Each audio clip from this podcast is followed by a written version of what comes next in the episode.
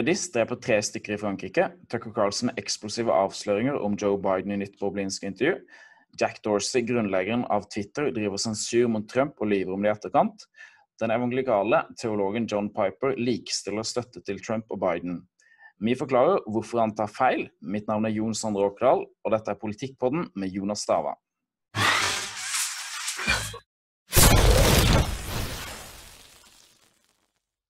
Hei, velkommen til Politikkpodden. Uh, ja, tre nye døde i uh, nok et terrorangrep i Frankrike, i byen Nis. Det var et uh, bestialsk terrorangrep der en 70 år gammel dame ble halshugga, eller egentlig enda mer bestialsk enn det. Samme metode som på han, han læreren Samuel Paty. Hun ble fikk hodet sitt skåret av med en kniv. Og det var en 55 år gammel kirketjener som var holdt på å forberede gudstjenesten, altså messen. Det var en romersk-katolsk kirke.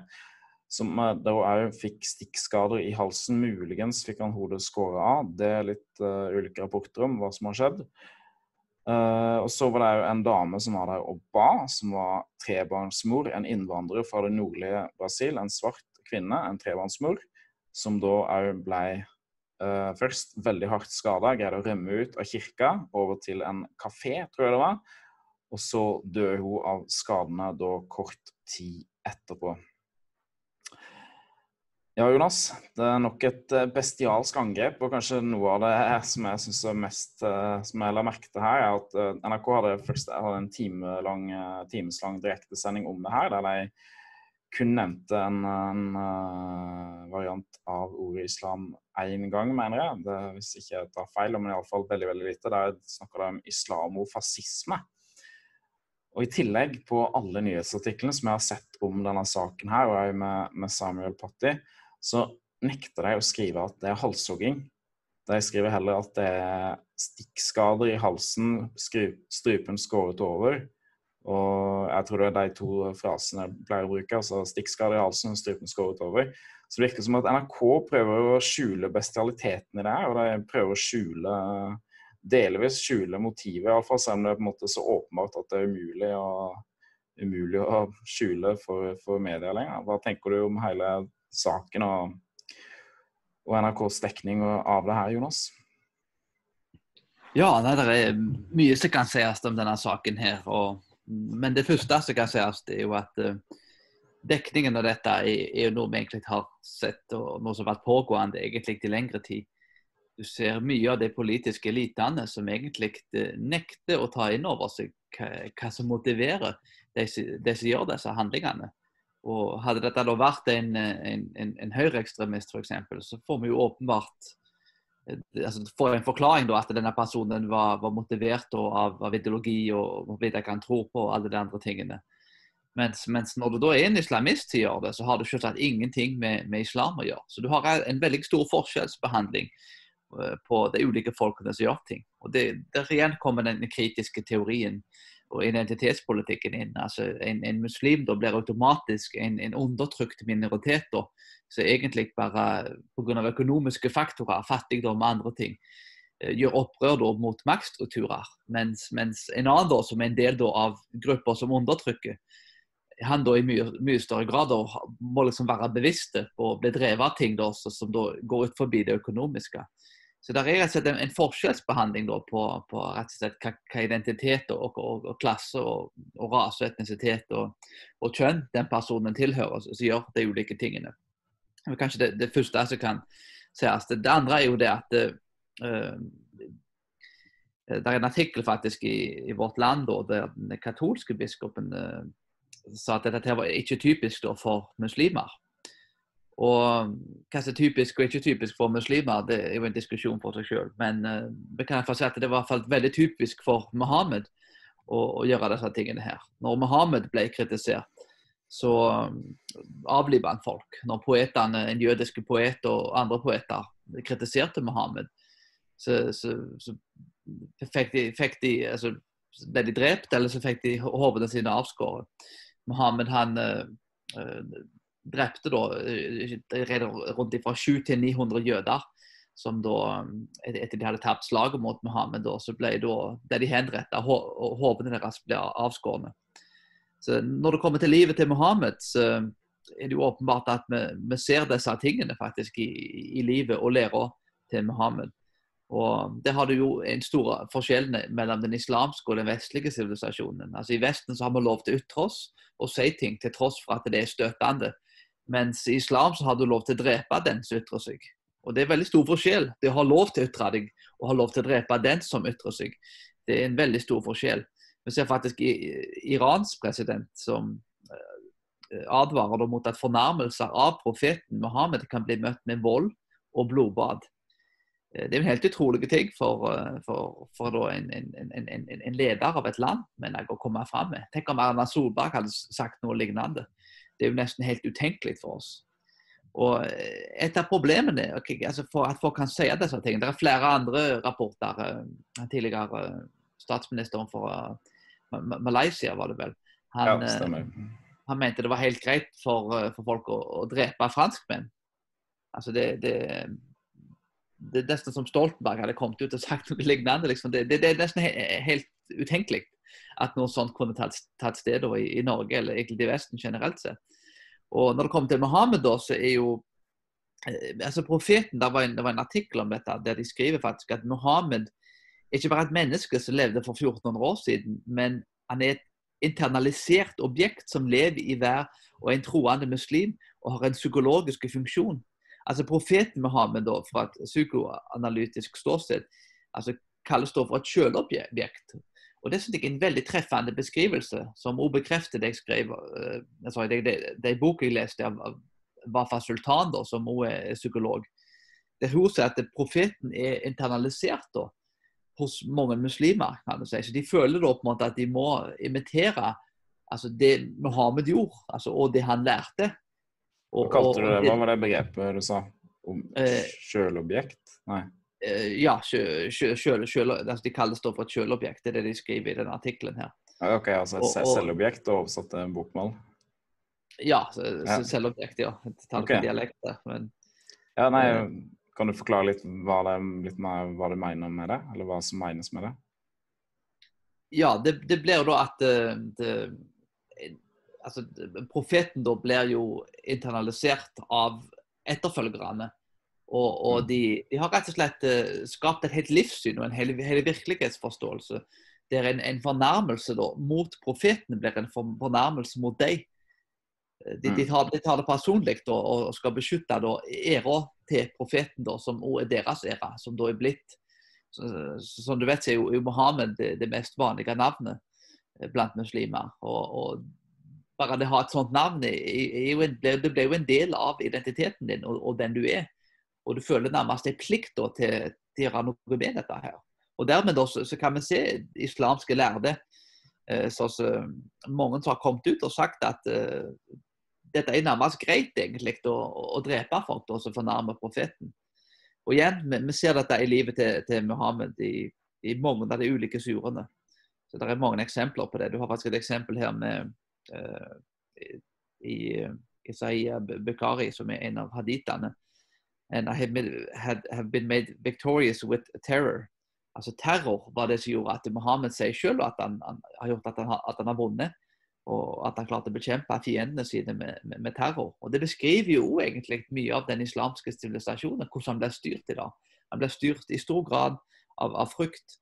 Og Når man ser f.eks. På, på Jesus og Mohammed som, som, som en kontrast, da, i Lukas 22 for eksempel, da, så, så kommer kom soldater. Da, og, og, og da eh, så kommer disiplene til Jesus og skal forsvare Jesus. Da, og, og øra da, til han ene soldaten blir hogd av. Og, men Jesus da, han, han, gjør akkurat det motsatte av det Mohammed gjorde. Han, han, han ber da disiplene om, om, å legge sverdet ned og, og roe seg ned. Og så tar han øra på, og så helbreder han faktisk denne soldaten. Og Utenom det, da, når Jesus møter fariserer og, og skriftlærde, og folk hetser han og, og håner han og argumenterer mot han, så, så, møter han jo ikke det da med, med, vold. Han møter det med argumenter, argumentasjon. Og igjen, Dette er jo rake motsetninger da, når Mohammed blir kritisert.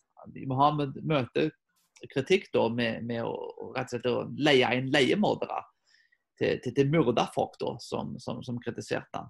Og Den kontrasten der er ikke bare en, en kontrast som blir illustrert gjennom historier, Men det er en kontrast til egentlig i stor grad skaper to ulike sivilisasjoner. En sivilisasjon der, der er selvfølgelig kristendommen da tåler å bli hånet pga. at Jesus han, han, han ikke andre, angrep ikke andre med vold, men han døde på et kors fordi det han trodde på. Mens Mohammed hans korsfesta de som, de som hånte og angrep han. Og Der har du rett og slett i stor grad forklaringen, syns jeg iallfall, på eh, dette her som skjedde da i, Frankrike. Og Dette er først og fremst et, teologisk og et religiøst problem foran noe annet. Mm. Ja. Altså det, jo, det som er faktum, er at det er jo ekstreme demografiske endringer i Frankrike. Jeg liker ikke å snakke om demografi egentlig i det hele tatt, da, som, som et problem at det har så, så, så stor andel av den og den befolkningstypen og sånn i et land. Det er noe som er veldig farlig å snakke om, og som jeg ikke liker å snakke om, men som jeg likevel vi må snakke om. for at uh, Pga. at muslimer har Mohammed som forbilde. for at Mohammed er det vanligste navnet blant muslimske gutter. Det er det vanligste navnet i Oslo nå. Det er det vanligste navnet på nyfødte i Oslo. Um, eller iallfall det vanligste navnet på nyfødte. Jeg tror kanskje det er det vanligste navnet her sånn, blant folk som lever her, da, totalt sett i befolkningen. Uh, I uh, mannlig befolkning i Oslo. Så som du sier, det internaliserer den stoltheten av, Mohammed, stoltheten av Mohammed da, når du får det navnet.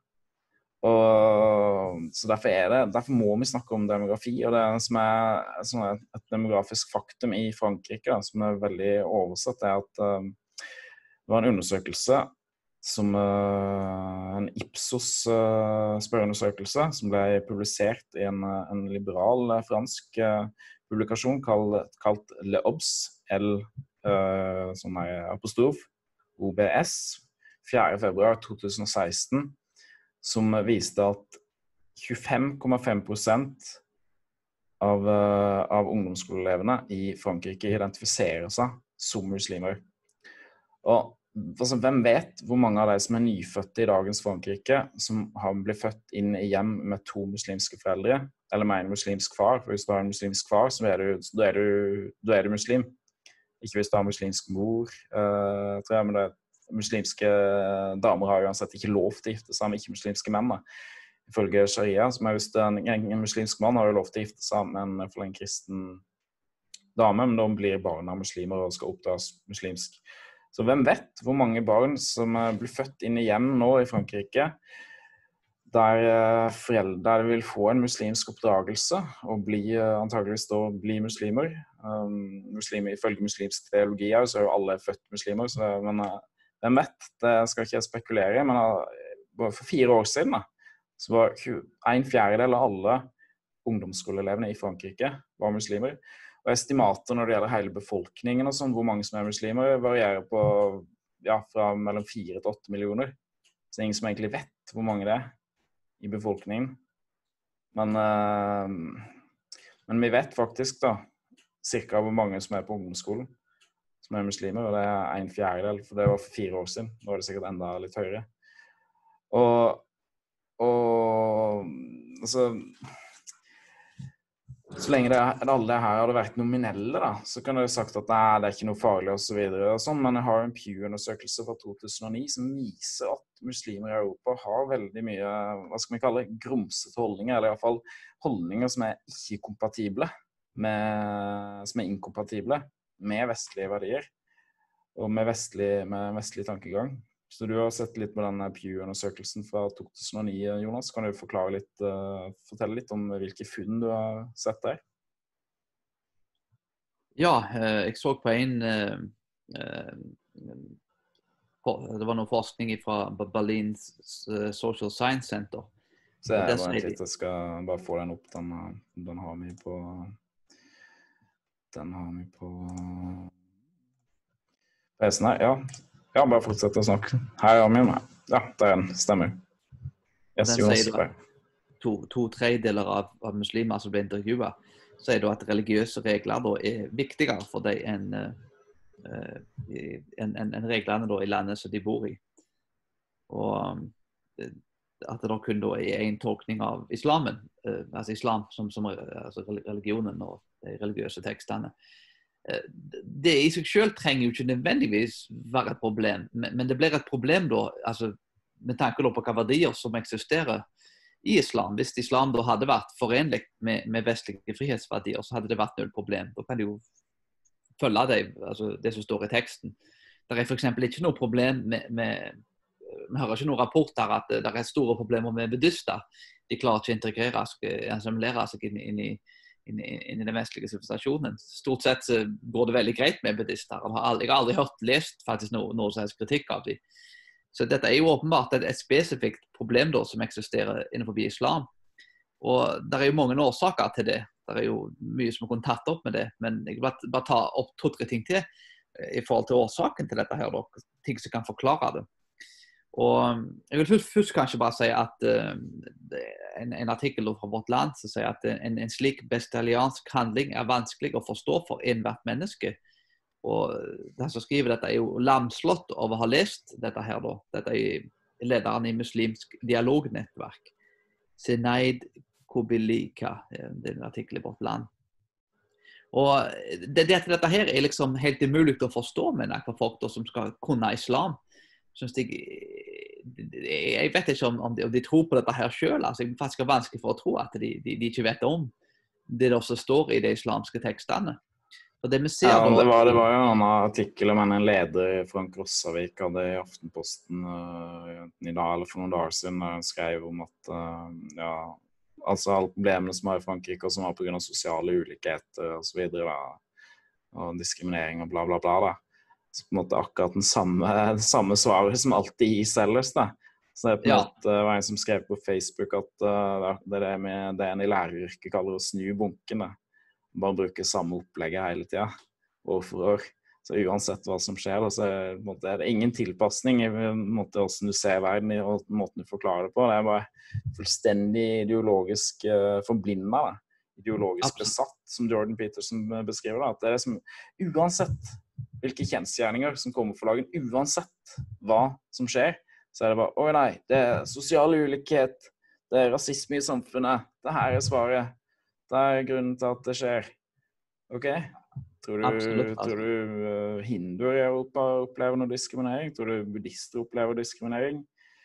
Uh, ja, de har sikkert opplevd en del diskriminering der òg. Og forhånelse av sin tro. Men de reagerer jo ikke på samme måte. Og kristne opplever det hele tida. Altså, du opplever det er masse sånn karikaturer med stygge tegninger av Jesus osv. Men vi reagerer jo ikke på den måten. Og vi er fundamentalistiske kristne, er jo det i ordets rette forstand, da. selv om det ordet har skifta mening på mange måter. Da. Men altså, er jo det, vi, vi tror på Bibelens ufarbarlighet. Vi er mørke menn som tror at uh, kun menn får lov til å inneha tilsynsembetet i kirka. Altså får lov til å være pastor og prester eller eldste eller presbyter eller hva nå ditt kirkesamfunn kaller akkurat det vi er måtte, i verdens øyne, så, eller i mange, mange sekulæres øyne, da, skikkelig mørke menn, men allikevel så er det totalt utenkelig for oss å ta til våpen for å forsvare kristendom. Det er helt, helt utenkelig. Ikke bare er det utenkelig for meg å ta til vold for, for hvis noen tegner en stygg tegning av Jesus. Det er jo i mine øyne en synd for meg å angripe det mennesket voldelig. Så ikke bare er det utenkelig sånn at jeg burde ikke gjøre det, men det er jo i mine øyne en, en, en, en alvorlig synd for meg å begå vold mot et annet menneske som forordner Gud. Uh, mens i islam, så, som du sier, så er det på en måte du føler deg heller på en plikt til å gjøre noe hvis jeg ser Mohammed bli håna. Absolutt, og det, det, det, treffer du blinken der med, med, en gang. Og det med ytringsfriheten, det, sånn som for oss, det, det er jo en, en, han, er nærmest, hellig. Han bør forsvares for, for nesten enhver pris. Og Det samme gjelder jo med, med alle opplysningsverdiene, da, som, som, er totalt forenlige med, med det jødisk-kristne livssynet og det, og, det, og, det, og det, vi finner i Bibelen. Um, og det, er jo det og, og, angående islam, da, så jeg vil faktisk anbefale folk at de, de leser en veldig korte bok da, som ble skrevet av Nabil Qureshi. Den er faktisk oversatt til norsk, men uh, jeg vet ikke hva det er på, hva hun heter på norsk, men hun heter jo på engelsk da, 'Jihad a better way forward'. Og den boken da, han viser litt om, om si reise. Veldig lett og, og, og korte bok som, som, eh, leses ganske kjapt. Men han tar opp i den boken der f.eks. at uh, det er jo faktisk veldig mange Osama bin Laden for eksempel, var søkkrike. Han hadde sikkert en, en 500 millioner. Og, og, mange av de som joiner disse bevegelsene, er faktisk uh, ofte i middelklassen. De er skoleflinke gjerne og leser mye koran, korantekster på fritid. dette er jo folk, mener jeg, så der er, der er fattige folk òg, selvsagt, men, men det er mange faktisk som er fra middelklassen, øvre middelklasse til og med, som da blir radikaliserte. Og, og, og Da er det ikke fattigdom som driver de til de tingene. da. Og Han tar opp det i den boken. Og Angående i vold i islam, da, så vil jeg bare legge til det du sa, i tillegg til det som ble sagt tidligere. Jeg leser en bok nå av, av han uh, Adonis, da, som er, heter, skrevet en bok som heter 'Vold og islam'. Og Han er jo da en, en eh, prisvinnende poet, er det vel, en, og, og, forfatter. Og Han er jo da syriske og har kjennskap da til å komme fra en muslimsk bakgrunn. Og har stort kjennskap da, til det arabiske språket, bl.a. Og, og arabisk eh, dikting og historie og kultur. Og Han skriver da at volden er iboende i islam. Og, og, Når vi ser dette, her da, til tross for folk sier da at de, de kan ikke forstå at dette her skjer, så, så er det jo mange kilder som viser fra, fra Tabari, f.eks. islamske kilder, eh, der Gud da lot muslimene få, få 3000 engler som kappa av hodet av Muhammed sine fiender under slaget i Badr, som var et kjent islamsk slag. Det står da og, og, og Guds sendebud de to første hodene har jeg selv kappet av. Det, det, det er et sitat. da. Eh, Adonis fortsetter å si at den arabiske kulturen er, svært innfløkt og voldelig. Og Han legger også til at det må legges til at islam i sitt vesen er anti-vestlig. Eh, og For et bevis, da, en kobling mellom det som skjedde da i Frankrike og livet til Mohammed, så har du i, i, 627 så sto Mohammed personlig for halshoggingen av tre menn eh, på den jødiske Banu Kurasias-stammen. Det uttalte jeg sikkert feil, men det var våga seg. Eh, han ga ordre om at hele stammen, alle mennene, da, skulle, skulle bli halshogde. Og De regner jo da med at det som sagt, det var 700-900 menn. Så fikk halsen da skåret av. Og Det høres jo veldig kjent ut, men med tanke på hva man leste i den artikkelen om det som skjedde i Frankrike. Og igjen, altså denne bestialske handlingen da, som visstnok er så vanskelig å forstå da, for denne di, di, dialognettverklederen da, eh, som skriver i Vårt Land. Dette er ikke vanskelig å forstå. Det er faktisk en tydelig kobling mellom Mohammed, mellom Koranen og det som skjedde i Frankrike. Der, altså, de, de, islamske verdiene og det islamske livssynet, som, altså, det du finner i livet til Mohammed og Koranen, er uforenlig med vestlige verdier. Og det, det, er noe politikere og andre egentlig bare må begynne å ta inn over seg. Og, og, og, vi kan ikke løse problemene før vi blir bevisste over hva problemene faktisk er. Og, og, hva sannheten faktisk er. Og, Deretter så kan jeg da gå inn for å prøve å drive dialogarbeid og andre typer ting som kan kanskje være med og, løse denne typen problemer. Ja, altså En annen ting som jeg har tenkt på noen ganger, det er så kan du si at uh, de fleste, de fleste muslimer er nominelle. Og følger ikke det som står i Koranen og sånn, men jeg følger Pew-undersøkelsen fra 2009. Så, så er det ca. 20 da, som vil ha det som vi vil kalle islamistiske holdninger. Uh, av muslimene i Europa har ja, ca. 20% har islamistiske holdninger. Og, og så tenker jeg at den voksne andelen i befolkningen som er, er muslimer, og hvis det er hvis vi forutsetter at det er ganske stabilt, at 20% vil ha islamistiske holdninger, så blir det etter hvert en utrolig stor andel i befolkningen som vil ha islamistiske holdninger, og som vil være imot uh, ytringsfrihet, vil føle seg dypt, dypt krenka, føle en trang til å kanskje bruke vold hvis Mohammed blir krenka. Og det blir et enormt sikkerhetsproblem i samfunnet. Altså, det er jo en grunn til at det her Frankrike har hatt enormt mange terrorangrep de siste ti åra. Enormt mange som har blitt drept i islamistiske terrorangrep. Mens uh, du finner jo ikke noe lignende saker i Polen eller Ungarn eller alle de, på en måte, de forkastelige, ondskapsfulle østeuropeiske statene som eh, ikke vil ta imot så mange uh, asylsøkere og flyktninger. Men de har jo ikke samme problemet. Og det er fordi at demografien er annerledes. Det er, det er jo faktisk bare det, det er. Og og et annet poeng er jo altså F.eks. hvis vi ser på kristne kirkehistorien, på vekkelser, så skjer det. Um, kanskje med noen unntak, da, men, men nesten alle jeg tror, jeg tror alle, men jeg, jeg sier nesten alle for ikke å si noe som er usant, nesten alle vekkelsene som har skjedd i den kristne kirkes historie, har skjedd i land der det er en stor grad, eller en stor andel av befolkningen er nominelle kristne.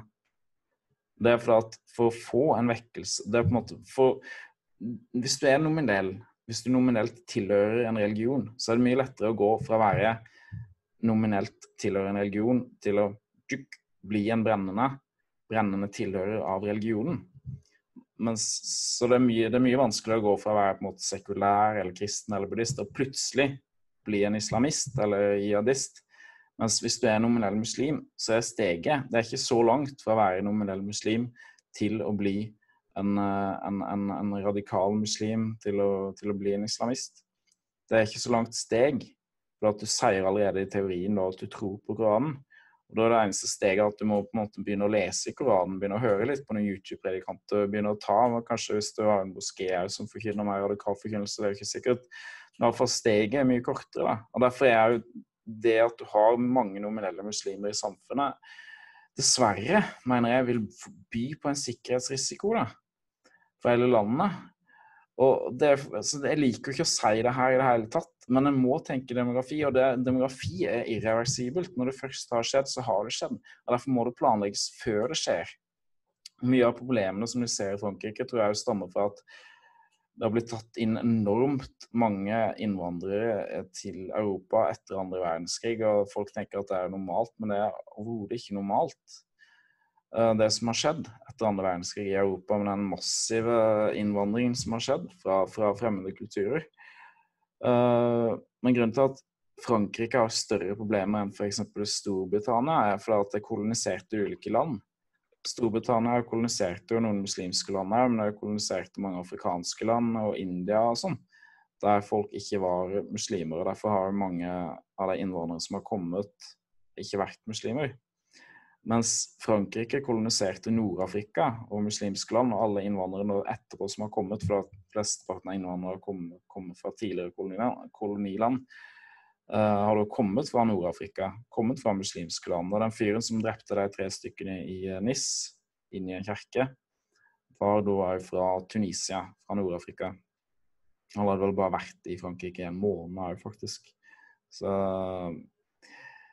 så vi må tenke demografi. Um, norske politikere må tenke demografi. Altså, jeg tenker det, En god politiker er en politiker som før problemene skjer, forutser dem og ta grep for at det ikke skal skje. Og jeg legger ikke skylda på innvandrerne for det. Altså, jeg legger skylda på politikerne og media, akademia, som, og media akademia på en måte som har egga politikerne til å ta feil valg hele tida. Men først og fremst legger jeg skylda på politikerne, for at politikerne kunne tatt andre valg. Politikerne har vært så feige. Og media har feilinformert befolkningen, sånn at befolkningen har stemt på andre partier enn det de ellers ville gjort.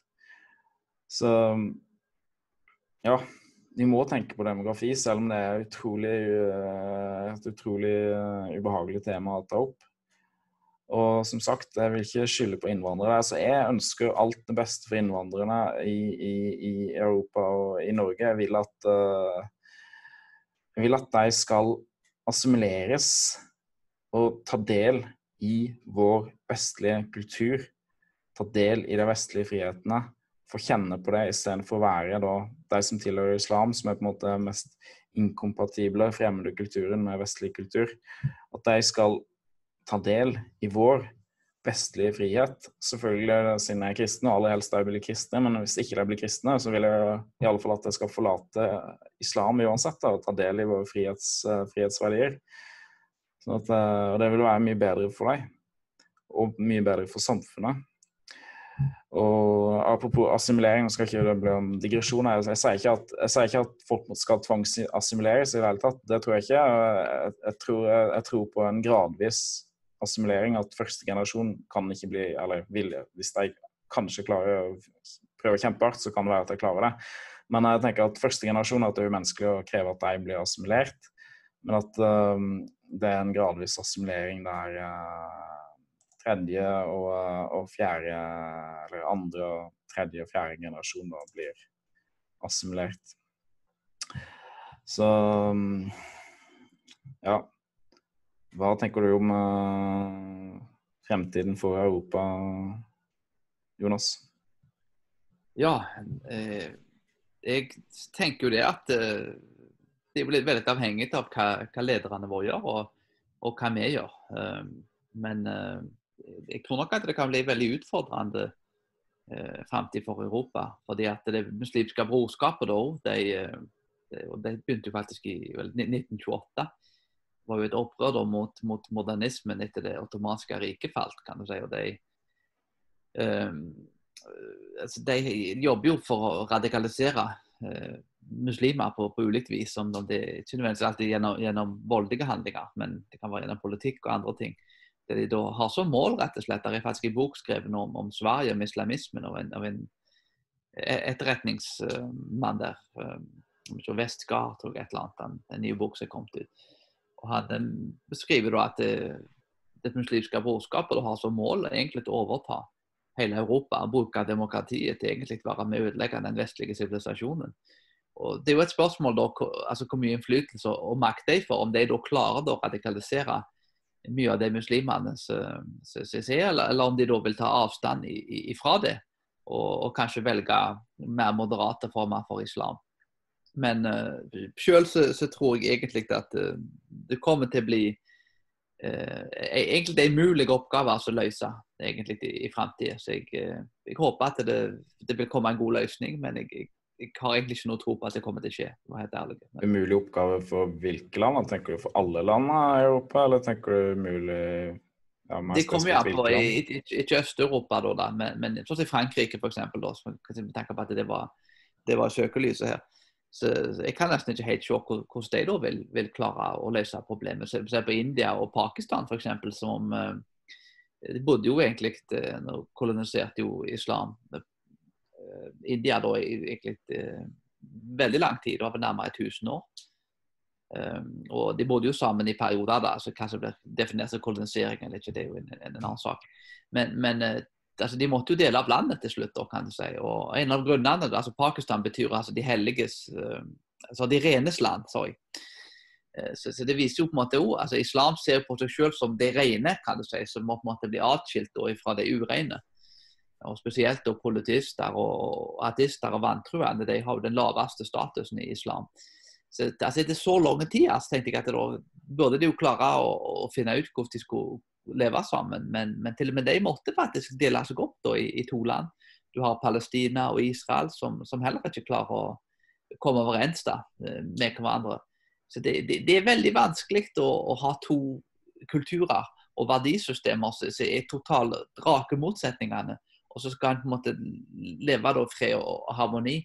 Og hvis det fungerer, så er det vel altså Det er kun da ved hjelp av en diktator egentlig noe sånt egentlig kan fungere du kan kanskje se Singapore, da, at det har en, en, en funksjon da, der mange ulike grupper egentlig lever i lag. Men der har du òg en diktator, nærmest, da, som, som uh, Han spør ikke folk hvordan han skal gjøre ting. Han, han, han, gjør det han må gjøre da, for å skape et sivilisert samfunn. Og det fungerer jo for Singapore. Det er jo ingen grei løsning, det. Men hvordan det skal fungere for Frankrike, da, som har frihetsverdier og, og et demokrati der, det er faktisk flertallet da, til slutt får viljen sin. Uh, det, jeg er glad at jeg ikke er den personen som Eh, kommer til å bli valgt inn til, til å løse det problemet. Da. Det er kanskje dumt å tenke på det på den måten, men eh, hva tenker du? Hva, hva, hva, er løsningen?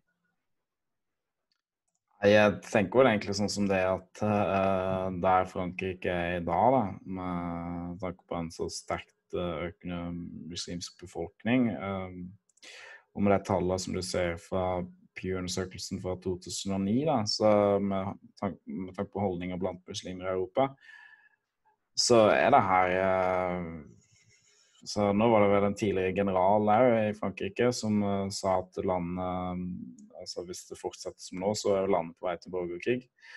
Så jeg ser ikke egentlig noen, noen, noen fredelig løsning. Jeg, altså, jeg, tror det beste er rett og slett en deling av landet. Til, jeg tror det kommer til å skje etter hvert, at det blir en deling av landet.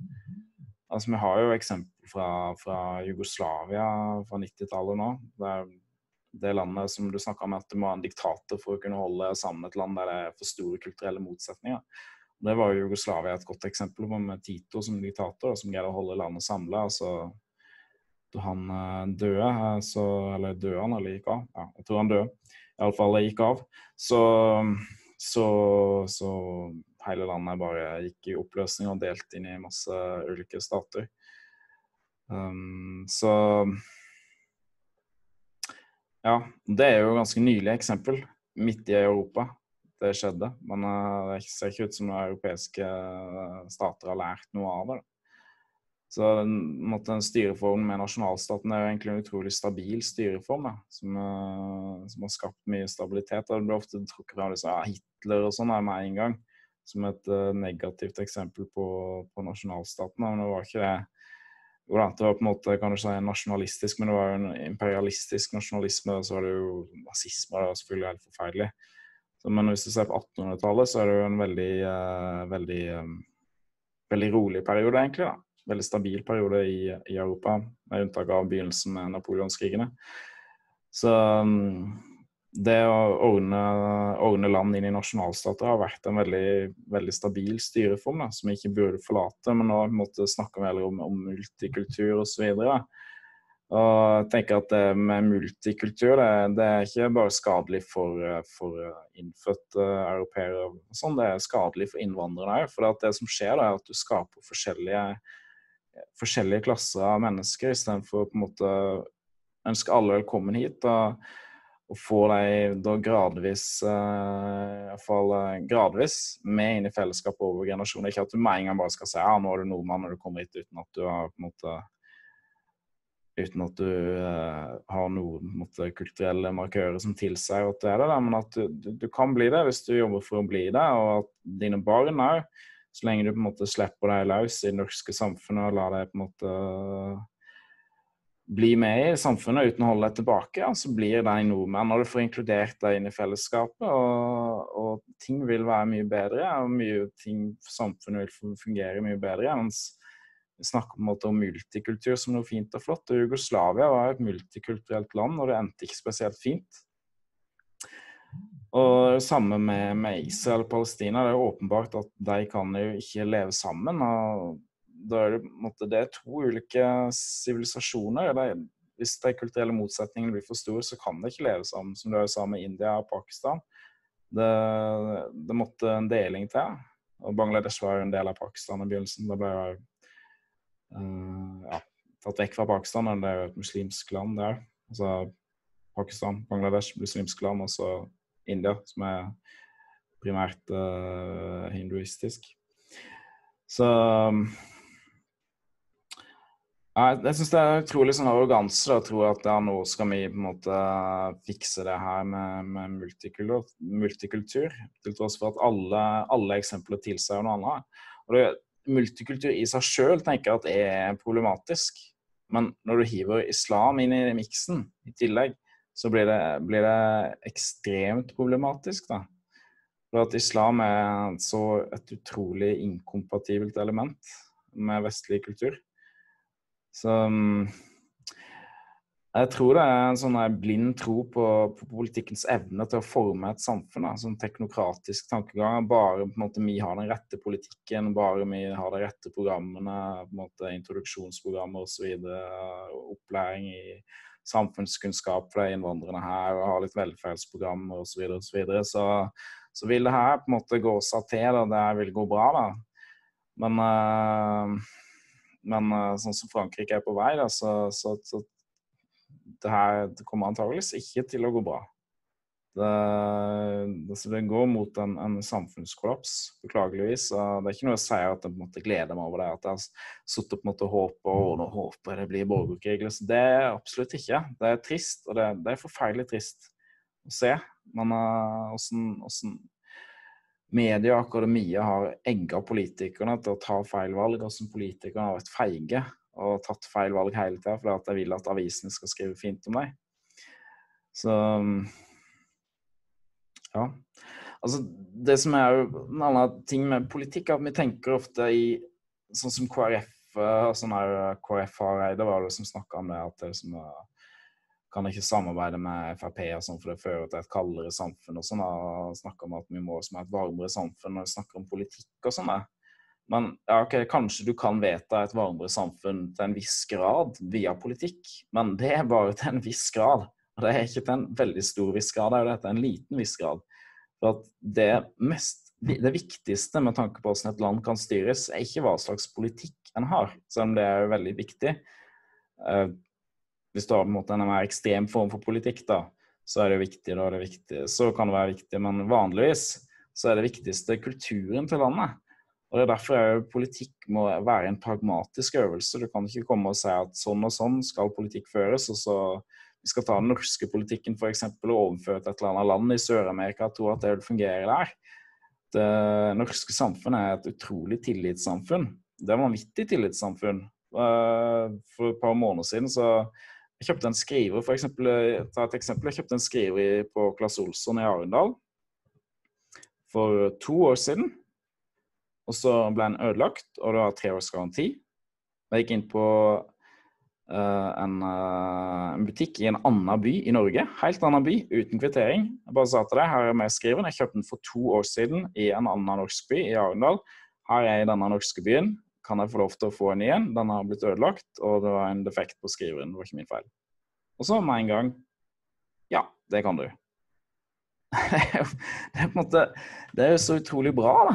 Det er jo For å skryte av det norske samfunnet, det er jo så utrolig bra at det er mulig at folk har så høy tillit til hverandre. At du bare kan si uten å ha kvittering uh, til en skriver som er temmelig dyr Ja, bare si at den ble ødelagt. Jeg kjøpte den for to år siden, jeg har garantirett på den, så bare får du en ny med en gang. Uh, Snakka med kona mi, som er, hun er jo fra Storbritannia, da, og sa at i Storbritannia så er det helt utenkelig du ville aldri gått, da. Da hadde blitt avvist med en gang. Som uh, antatt at du hadde vært en løgner hvis du kom og sa det. Så kulturen er så vanvittig viktig. da. Så politikken har sine begrensninger, store begrensninger. Kultur er vanvittig viktig med tanke på hva slags økonomi et land får. Det er kulturen som er viktigst. Det er, ikke, det er ikke naturressursene eller politikken som føres, selv om den er jo viktig. og Politikken kan jo da ødelegge veldig veldig mye for økonomien, jeg sier ikke det.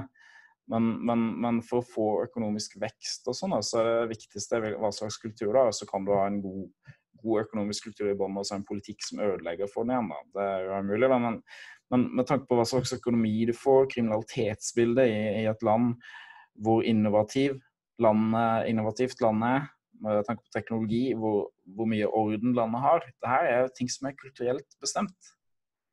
Altså, det er en grunn til at, at Sør-Korea og Israel og de nasjonene her, uh, og Tyskland, topper høyest på hvilke land som er mest innovative hvert år. Så topper de lista, de landene her. Det er fordi at det, det er kultur det er snakk om. Det er en grunn til at Sverige, vært, og Sverige og Tyskland har vært enormt produktive land i Europa og hatt masse ulike fabrikker og sånn, det er jo kultur. For det er kultur for det. Beklageligvis, beklagelig, så jeg liker ikke å si positive ting om, om svensker, men uh, svensker er mer produktive enn nordmenn. Det er det. Og det, har, uh, det er bedre til å starte bedrifter og sånn. Bedre til å drive bedrifter. Beklageligvis. Men det er sannheten. Så Samme kan sies om tyskere. Så det er, kulturen er vanvittig viktig. Da.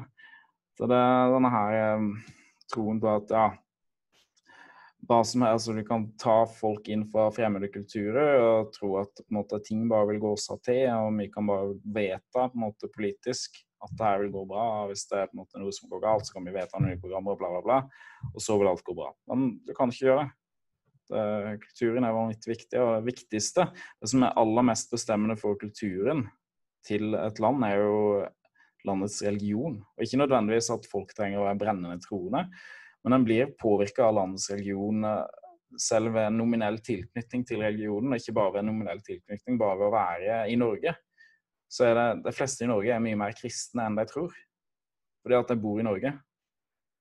Altså, Det sier ikke at det er en sånn nominell tilknytning til kristendommen og en påvirkning fra kulturen, og sånn leder folk til eh, nok for å komme til himmelen sånn da, med en tro på Jesus, virkelig, men, men allikevel. Det har en, en positiv innflytelse på, på, på, enkeltpersoner og på kulturen til hele samfunnet. Den, eh, altså den tradisjonelle norske religionen som da har vært kristendommen. Jonas? Ja, nei, det, det, du, du, har helt rett. Det, og det som er sekulære i Norge, de er jo egentlig mye mer kristne som du sier, enn en, en, en de sjøl tror. da. Og det, det var faktisk en, en av de dialogene mellom Det var Marcello Pera og Jørgen Habermas. Han, Jørgen Habermas er jo en av de mest, verdens mest kjente artistiske filosofer. Og eh, også han uh, Retzinger, skulle si, han forrige paven. Eh, en del av de dialogene da, de, de, de foregikk jo rundt nettopp det at eh, bl.a. Retzinger da ville at Jørgen Habermas da skulle altså, forstå det, og hadde kommet til en ny erkjennelse om at, om at det, altså, Dette er Douglas Murray, og han, han, skriver en del av det samme. At, at de, de sekulære må i større grad jobbe ikke imot kristendommen, men jobbe med kristendommen. Fordi det er der de egentlig har moralen sin fra. Tom Holland skriver at verdien hans er kristne. Han kjente historikeren som skriver, skriver den nyeste boken, The Dominion. Så, så, så, Det er mange artister som har, som har kommet ut og erkjent faktisk at verdiene og måten de tenker på, er jo tatt rett ut egentlig fra Bibelen. Til tross for at de da avviser Guds eksistens og, og, og Bibelens guddommelige autoritet og den type ting. Så, og, og, Det er vel det egentlig der kanskje mye av nøkkelen ligger. At, at de da som er sekulære, og egentlig da i hvert fall delvis kristne i måten de tenker på, at de da må i større grad gå tilbake til røttene og se at det er faktisk en bra ting at, at, det, at, at kristendommen har bygd opp den vestlige sivilisasjonen. Du trenger ikke velge mellom opplysningsverdier og jødisk-kristne verdier. Du kan faktisk få begge deler. For det var ut av det jødisk-kristne livssynet at eh, opplysningsverdiene faktisk vokste frem. Og til tross for at det er konflikter på noen områder, så, så, så er de forenlige. Eh, de fleste som er, som er innenfor den jødisk-kristne tradisjonen, der er aller, aller, aller fleste eh, støtter fullt ut opplysningsverdiene. Og det, det, det er tragisk at, at, at, at, det har vært så mye motstand mot røttene og fundamentet som Europa er blitt bygd opp på. Og det, det motstanden da, mot kristendommen, og, og spesielt protestantismen, da, som, som, er relevant for oss her i Norge, er egentlig veldig ødeleggende egentlig, og har også bana vei egentlig, for at islam kan vokse frem. Det er jo nesten litt, litt, ironisk nesten at de som er sekulære, egentlig det med å undergrave sin egen sivilisasjon. Ja, helt sant. Mm. Yes, jeg tror vi hopper videre til statusrapport fra Sverige, hvis ikke du har noe mer å tillegge? Nei, det er god tid på å hoppe videre. Ja. Til det er jo for så vidt relatert til det vi har snakka om nå. Da, for at Sverige har hatt en enorm innvandring eh, til landet sitt da, fra, fra fremmede kulturer. Og ja, det, var en på Facebook som har Jeg vet ikke om han vil at navnet hans skal sies her på programmet, så jeg skal holde det skjult. Men eh, han har han lagde en, en, en uh, oversikt over all kriminaliteten, eller iallfall all, kanskje ikke all, men nesten all kriminaliteten, eller all kriminaliteten som ble Ja, nesten all kriminaliteten som ble rapportert, iallfall i svenske aviser. Det, for det meste, jeg tror nesten alt er hovedstrøms, uh, hovedstrømsaviser. Der det 268 artikler som han samla. Jeg tenkte jeg bare vise dere det her, så skal jeg bare dele skjermen. Vise dere all den kriminaliteten her. Jeg skal legge det ved i uh, YouTube-videobeskrivelsen. Alle hvis det går an å skrive så mye, da, så mange jeg kan. Så altså, det er bare september den oversikten her er for. Kun for september er altså skottløsninger. Det er jo da skudd, altså skyteepisoder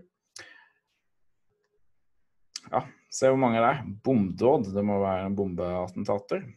Det, ja, det har begynt å bli en vanlig kriminalitetsform i Sverige. Det er ganske rart å tenke på.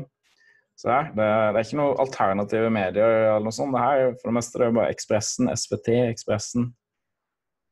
Uh, det her er hovedstrømsmedier i Sverige, så ikke tenk at det er konspiratorisk å se at det er så mange der. Det her er hovedstrømsmedier. Her ser du mord, mordforsøk, mistenkte mord.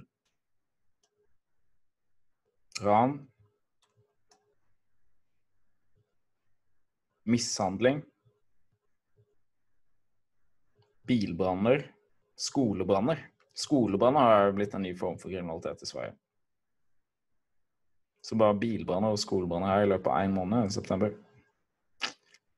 Så det overfallsvoldtekter, angrep på kvinner etc. Hmm. Ja, forferdelig. Uh, knivdåd, knivlignende føremål, ja, knivslagsmål. Støk mellom grupperinger, eller bråk mellom grupperinger. Menneskerov, altså kidnapping. Det er en kidnapping? Brott mot yngre, kriminalitet mot yngre. Mhm. Brott mot eldre, kriminalitet mot eldre. Dyreplageri. Attentat, bombhot. Jeg er ikke sikker på hva han mener med forskjellen på bombdåd og bombhot. Siden han har over med i noe som har med bomber å gjøre. Nei. Uh, ja, ser du da. Nytt bombhot mot bombhot. Nei, vent litt. Hot er vel da uh, trussel, er det ikke? Det burde jeg sjekke opp før sendinga. Hot er ikke trussel på svensk? Jonas? Um, jeg er ikke så god på svensk, tror jeg. Så det Beklager, jeg får bare sjekke det opp raskt. Jeg burde sjekke opp før sendinga. OK, hot uh, Altså trussel, da. Til svensk.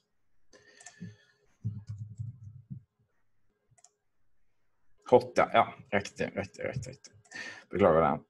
OK, så er altså, altså trusler om bombinger bilkapringer, kidnappinger, øvrige.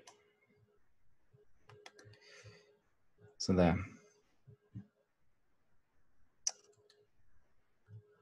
Ja. Det er Det er ganske, ganske sinnssvakt, det her, når man ser på det. Og et enda et veldig grovt eksempel, bare for å gå inn på én sak, var denne um, saken her. Der, eh, der var jo en sak da fra, fra natt til 23. Eh, august. Der så var det to gutter, mindreårige gutter, som ble da kidnappa mens de var ute og gikk. Tatt inn på en kirkegård, voldtatt og torturert i ti timer. Og så ble det beordra til å grave sin, sin, egen grav, som de begynte å gjøre. Og så skulle de da ha blitt drept, men så kom det da heldigvis noen forbi uh, og fikk stoppa det her. Um, det her er så grovt. Det her er igjen, det er ikke noe alternativ nyhetsside. Det er ikke noe som folk tenker som dokument eller Resett. Ikke at jeg har ikke, altså jeg liker dokument og Resett, men her står det på Aftenbladet, bare så folk kan se det her, at det her er ikke noe alternative medier som, som rapporterer det her. Det er hovedsynsmediene i Sverige, Aftenbladet. Ti timer jeg kaller det utsettes for tio timer lang torturnatt. Det er bare helt hinsides. Voldtatt og torturert i ti timer. Både til å grave sin egen grav, akkurat til å bli drept. Og så ble det da heldigvis redda av noen folk som kom. Så det er, uh, som hadde begikk overgrepet. Det var to stykker som begikk overgrepet, rømte.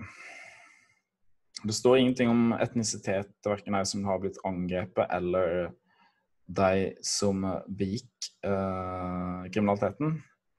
Så det skal vi ikke spekulere i. Men det Ja.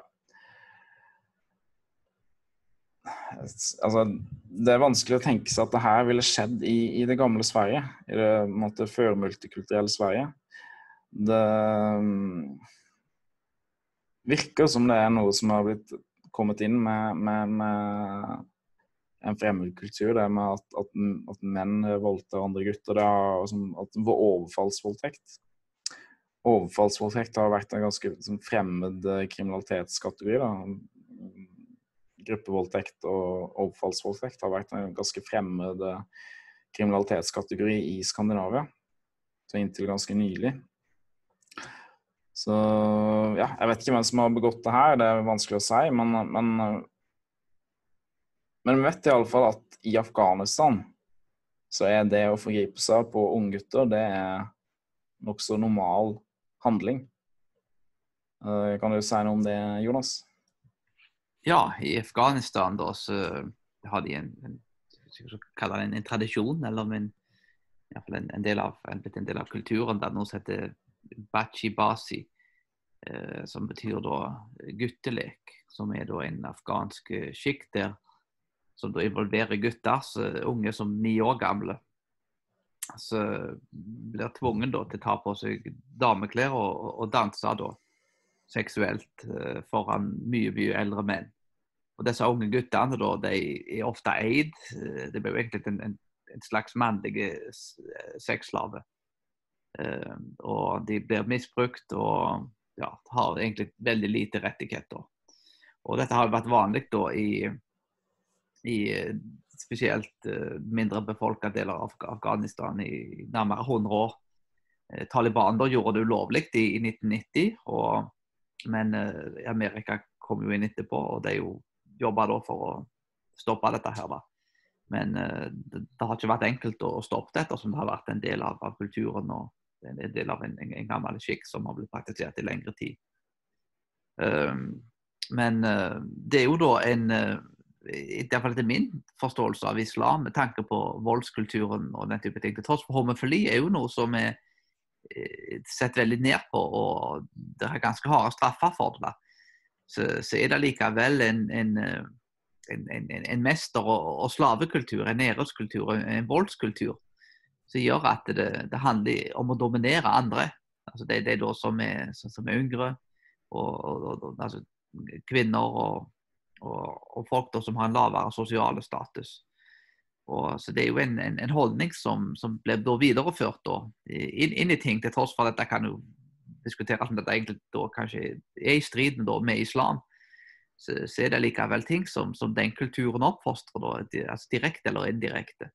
I Pakistan nå, det var en eh, dokumentar på NRK på statsministeren nå, som sa at det, det er veldig vanlig for gategutter da, å bli bli voldtatt av bussjåfører, bl.a. Til tross for at det var noe statsministeren i Pakistan fordømte sterkt, så var det likevel et veldig stort problem som de, de, hadde der da. Eh, så det, det, det, er et problem, da. Og som sagt, homofili og, og dette her går egentlig, egentlig under kategorien pedofili er jo noe da som eh, er faktisk veldig utbredt da, i den islamske sivilisasjonen. og en kan jo diskutere hva som er årsaken til det, da, men uh, det, det, det, det, ekstremt restriktive uh, seksualetikken som de har innenfor islam, uh, det er nok i hvert fall litt, det kan være med, med som var en av, av, av, flere bidragsytere. Og at det der er 5-10% av de rikeste mannfolkene kan da gifte seg med uh, opptil fire koner. Så, så da, tallmessig da, så vil det jo ikke gå opp. da. Og dermed da, så vil det jo egentlig være mange da, som egentlig ikke vil kunne få, få, altså, få noen å gifte seg med. Og, og dermed da, så kan det få utslag da, kanskje på, på, altså på det samme kjønnet. Det er iallfall en teori, da. Om, om det er sånn i praksis, er vel det er ikke så lett å måle alltid, men, eh, men det kan virke altså, det kan være litt logisk. Men... Ja. Du kan kanskje, kanskje iallfall konstatere at uh, tradisjonen i, i Afghanistan er dårlig. Og at det er forskjell på kulturer. Noen kulturer er rett og slett bedre enn andre. Og ja, vår vestlige sivilisasjon er en veldig bra sivilisasjon, rett og slett.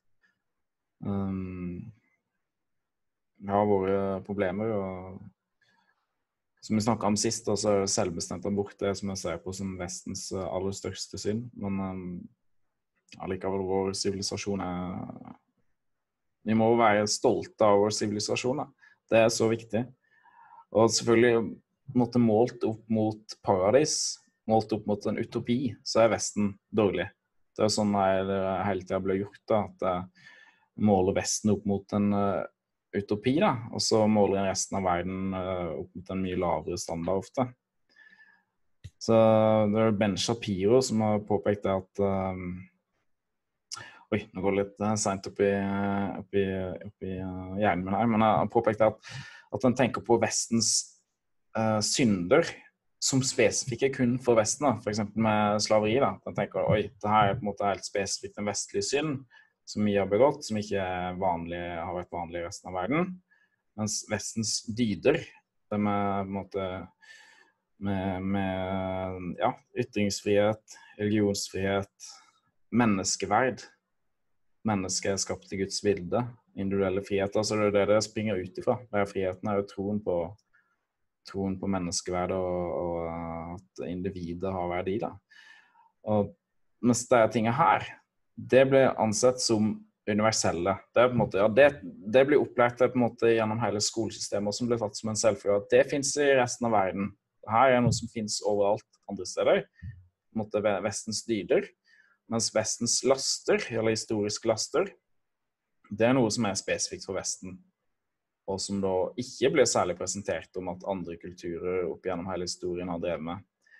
Mens det motsatte er jo tilfellet at Vestens synder er, har vært universelle. Slaveri har vært en så det er helt ja, så vanvittig universell uh, synd i hele menneskehetens historie. Det er en universell praksis i hele menneskehetens historie overalt, til enhver tid, nærmest. Mens uh, dydene som Vesten har, med all den friheten vi har, med vektlegging av menneskeverdet, med rettsstat osv., det, det er ting som er spesifikt for Vesten. Og Det er det vi her må, det er det barn og unge må læres opp til. At de dydene som Vesten har, er spesifikke for Vesten. Og de syndene som vi har hatt i vår historie, de er universelle for hele resten av verden. Og ikke noe som er spesifikt for oss, selvfølgelig. Noe som vi skal fordømme og angre på uh, all rasismen og den transatlantiske slavehandelen osv. Men allikevel, vi må innse at det her er universelle fenomen over hele verden. Ikke noe som er spesifikt for den vestlige sivilisasjon. Er du enig, Jonas? Ja, absolutt. Det, er jo der oppsummerer du det veldig godt. at uh, Spesielt det med at Vesten blir sammenligna med, med Edens hage. Det er jo egentlig der mye av problemet ligger. Men jeg, da, da, da, er det jo aldri godt nok. Men, men igjen, altså, det er jo ikke noe annet heller som er godt nok. Så det er Når du begynner å sammenligne den vestlige sivilisasjonen med andre sivilisasjoner altså, Og sånn bør det jo være generelt sett i, i livet. Du sammenligner land med land, folk med folk. altså det, en, en, kan ikke sammenligne ting med, med, det som er perfekt, for det eksisterer jo ikke. Så, så, da, men, men, det er det folk gjør. altså det, Hele greia blir, blir helt vridd om der, der dydene blir, blir, verdiløse og syndene da blir, blir, katastrofale. Og jeg tror egentlig at mye av den ideologien da, som ligger bak dette, her, er egentlig bare noe som blir brukt som en brekkstang for å rett og slett å nøytralisere den vestlige sivilisasjonen og verdiene. For å bygge opp da, I, i askene da, så vil en bygge opp da, noe nytt. Så selvsagt det skal bli mye bedre og, og alt skal bli perfekt. Men, men, sånn er det ikke. Altså, Utopiene blir alltid mye verre enn en, en, en, en det de prøver å erstatte. Så jeg må jo innrømme at eh, Vesten har sine feil, og det er et utvilsomt rom for forbedring og, og reform. Men eh, så langt i historien da, så, så, er det den sivilisasjonen som har gitt folk mest frihet og mest, mest godhet, mest rettferdighet og mest menneskeverd. Og det er derfor, altså igjen, altså, hva, Hvor er det folk vil flytte til, og hvor er det folk vil flytte fra? Ja, det, det er jo så enkelt som det. Det er jo bare så enkelt som det, det spørsmålet. Som du sier, altså, hvor, vil, hvor er det folk flytter til? Hvor er det folk flytter fra? Ja, det, og det, finner du svaret på det, så har du egentlig funnet svaret på, på, på, på, på det meste, egentlig, da, hva, hva, som er, hva, som er, av kvalitet. Det, det, som kanskje er det mest tragiske, at mange da flytter jo eh, til eh, land der de da på en måte ikke omfavner i noe av, av det, det, det livssynet og de verdiene som var med og skapte altså den, den, friheten og, og de, de vilkårene som de kommer til. Og Det er jo egentlig en, en, en logisk kortslutning der på en måte som, som ikke klar, alltid klarer å koble de tingene. og Det, og det er jo egentlig en, en, tragisk ting. Det, det, er mange nå som ser det, da. Det er mange som kobler det. så jeg skal ikke si at det, ja, men mye av grunnen der er jo igjen da OK, ja, det er nok noen innvandrere som kan skylde på deg for at uh, de ikke tar test av noen av de uh, verdiene som er i Vesten, men ofte så er det jo uh, uh, våres feil, og ikke jeg og, jeg og din sin feil, men de som tar deg imot, da, Så på en måte lærer det opp til å tenke at ja, på en måte, norsk kultur er kjedelig osv. Vi har gjort så mye galt. Det er på en måte Få lære om slaveri osv. Uh, på sånne introduksjonsprogram og sånn, har jeg i hvert fall uh, hørt fra noen afrikanske innvandrere som jeg har snakka med. Og det, og det mens, mens måte, sin kultur blir løfta opp, da, så at det er din kultur er kjempespennende. Det er kjempespennende på en måte med multikultur, kjempespennende at det kommer med noe nytt der, kan tilføre det norske samfunnet på en måte mangfold osv. Og, så og blir på en måte vertskulturen da, i Vesten den blir snakka ned. Det var vel en annen minister for ja, det er mange år siden, og kanskje ti år siden i Sverige, som sa, var vel en integrerings- og innvandringsminister som sa at det var, det var ikke bare sånn at innvandrerne måtte integreres til Sverige, men det er jo sånn at de innfødte svenskene da måtte integreres inn i innvandrernes kultur. Og Da på en måte snudd ting helt på hodet. Det var jo et nylig eksempel nå fra Malmö der eh, biblioteksansatte blir kurset i arabisk for å bedre eh, kommunisere med, med biblioteksbrukerne. Så det, okay, det, det de, svenske, de som jobber for svenske institusjoner, de må lære seg arabisk for å kommunisere bedre med brukerne det er ikke de som har ankommet landet, og som ikke kan svensk, som må lære seg svensk. Så vil jeg si vel det i tillegg, da, men det er på en måte selvfølgelig at det er de som bare skal lære seg svensk. Og at det er svensk som skal snakkes i Sverige. Ikke at det skal være påbud overalt om det, men iallfall i møte med offentlige institusjoner at det er svensk som skal brukes uh, som kommunikasjonsspråk, da, primært. Og hvis, hvis du absolutt må gjøre noe annet, så ok, selvfølgelig må du bruke det du må. At, at biblioteksansatte skal kurses i arabisk, er jo helt vanvittig. Ja, det er helt, ja. Nei, det, det, er helt utrolig. da, og det, altså, En illustrasjon på det du sier, er jo det at dette kommer jo mye fra kulturen og, og tekstbøkene. Og Ifølge en artikkel av ny forskning står at norske lærebøker i historie fremstiller konsekvent europeere som overgripere og skjønnmaler islam. Eh, du kan også lese om dette er Lurt av læreboken av Bjørn Are Davidsen, som tar opp en del av disse tingene. Dette var jo en, en masteroppgave da, der en, en, en som skriver at uh, norske lærebøker på grunnskolen og, og videregående dekker, har en dobbeltstandard i måten de formidler historie på i norske lærebøker. Og Islam blir fremstilt som, som den nærmeste beste som har skjedd menneskeheten mens, mens kristendommen da har vært et, et middel og altså vestlige verdier et, et, middel til undertrykkelse. Det var kanskje en, en litt uh, kanskje en, en, litt ekstreme beskrivelse der, men, men uh, mitt inntrykk er at det er iallfall ikke så langt ifra sannheten. Det, det, og Hvorfor kommer da når det til et folk som hater sin egen sivilisasjon? Det vi driver på med, er jo ikke selvkritikk, det er selvhat. Og så kan jeg på en måte ikke heller forvente at de som kommer, på en måte skal bli glad på en måte i verdier som egentlig våre eliter og vår kultur har forkasta i stor grad. Det, så det er en tragisk utvikling. Vi, vi undergraver oss sjøl, og det er jo egentlig to do jeg kanskje spesifikt, men, men, men eh, vi som, som, folk, da, som, som en del av, av sivilisasjonen, har jo egentlig vært med og enten bidratt direkte til det eller vært passive til at det skjer. Og dermed da, så, så er vi egentlig med å ødelegge oss sjøl. Ja, Vesten må, så vi må hevde oss sjøl. Det, å snakke positivt Ikke at det skal snakke stygt om andre kulturer om andre land, og sånn, det sier jeg ikke, men vi må Det er så viktig, da. Særlig i møte med innvandrere. Jeg vil det beste for innvandrere, de som har kommet her. Jeg vil absolutt det beste for deg, at de skal ta seg vestlige frihetsverdier. At de kan bli fullt og helt norske, og jeg vil kalle dem norske. Jeg har ikke noen problemer med det overhodet. Men, men, men, eh, det er så viktig at, at, vi som er den innfødte befolkningen, er, er glade i landet vårt. Jeg liker ikke så mye å snakke om å være stolt av landet eller stolt av vår sivilisasjon, selv om kanskje folk legger forskjellig i det, men å ha kjærlighet. Vi må ha kjærlighet til vårt land, kjærlighet til vår sivilisasjon. Og, og innse at det her er ja, den beste sivilisasjonen som har vært i menneskehetens historie. Rett og slett. Og, og det må formidles til de som kommer hit. Ellers kan ikke en, Hvis de får høre at det her er kjempedårlig, og sånn, så hvorfor skal de da ta del i det? det? De må få høre at det her er kjempebra. Da vil jeg jo ta del i det. Absolutt. Eller kanskje ikke nødvendig, men på gruppenivå ta del i det, tenker jeg da. De fleste.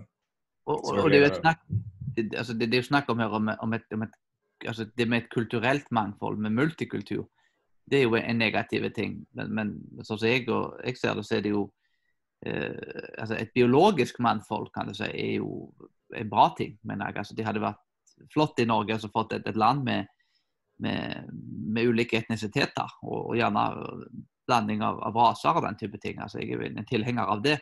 Men, men verdimessig da, så må vi ha nok ting som binder oss sammen. Da, at det er da de norske verdiene da, som, som er, vil være det dominante og være det som er styrende, og som binder oss sammen som et folk.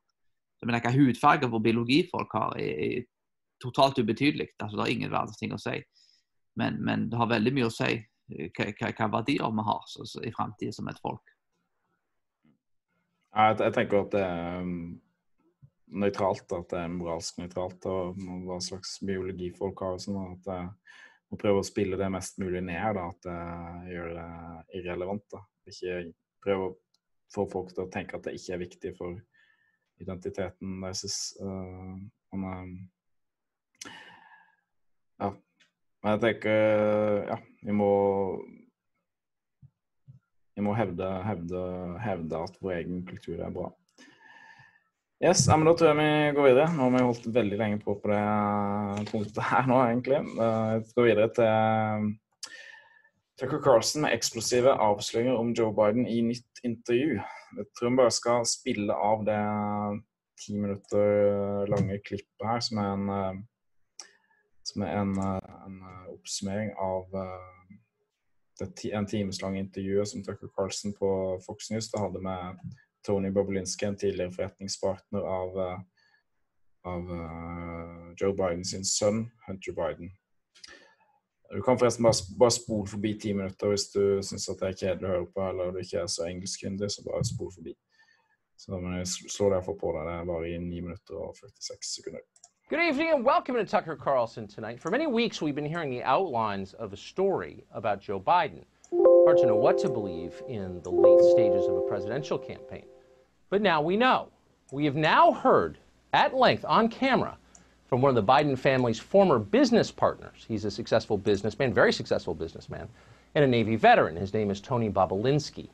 Bobolinsky spoke for a full hour last night on this show. He told us, and this is the crux of what he said, how he met two separate times with Joe Biden himself, not just with his son or his brother, but with Joe Biden, the former vice president, the man now running for president, to discuss business deals with the Communist government of China. That's a very serious claim, and whatever your political views, it is hard to dismiss it when Tony Bobolinsky makes it, because Bobolinsky is an unusually credible witness. He is not a partisan, he's not seeking money, he's not seeking publicity. Just the opposite. He did not want to come on our show. But when Adam Schiff and the Joe Biden for President campaign accused Tony Bobolinsky of participating in a Russian disinformation effort, he felt he had no choice. That was a slander against him and against his family. So Bobolinsky came. He arrived with heaps of evidence to bolster the story he was telling. He brought contemporaneous audio recordings, text messages, emails, many financial documents. By the end of the hour, it was very clear to us that Tony Bobolinsky was telling the truth and that Joe Biden was lying. We believe that any honest person who watched the entire hour would come to the same conclusion. Well, today, a Senate committee confirmed it. The Senate reported this afternoon that all of Tony Bobolinsky's documents are in fact real. They're authentic.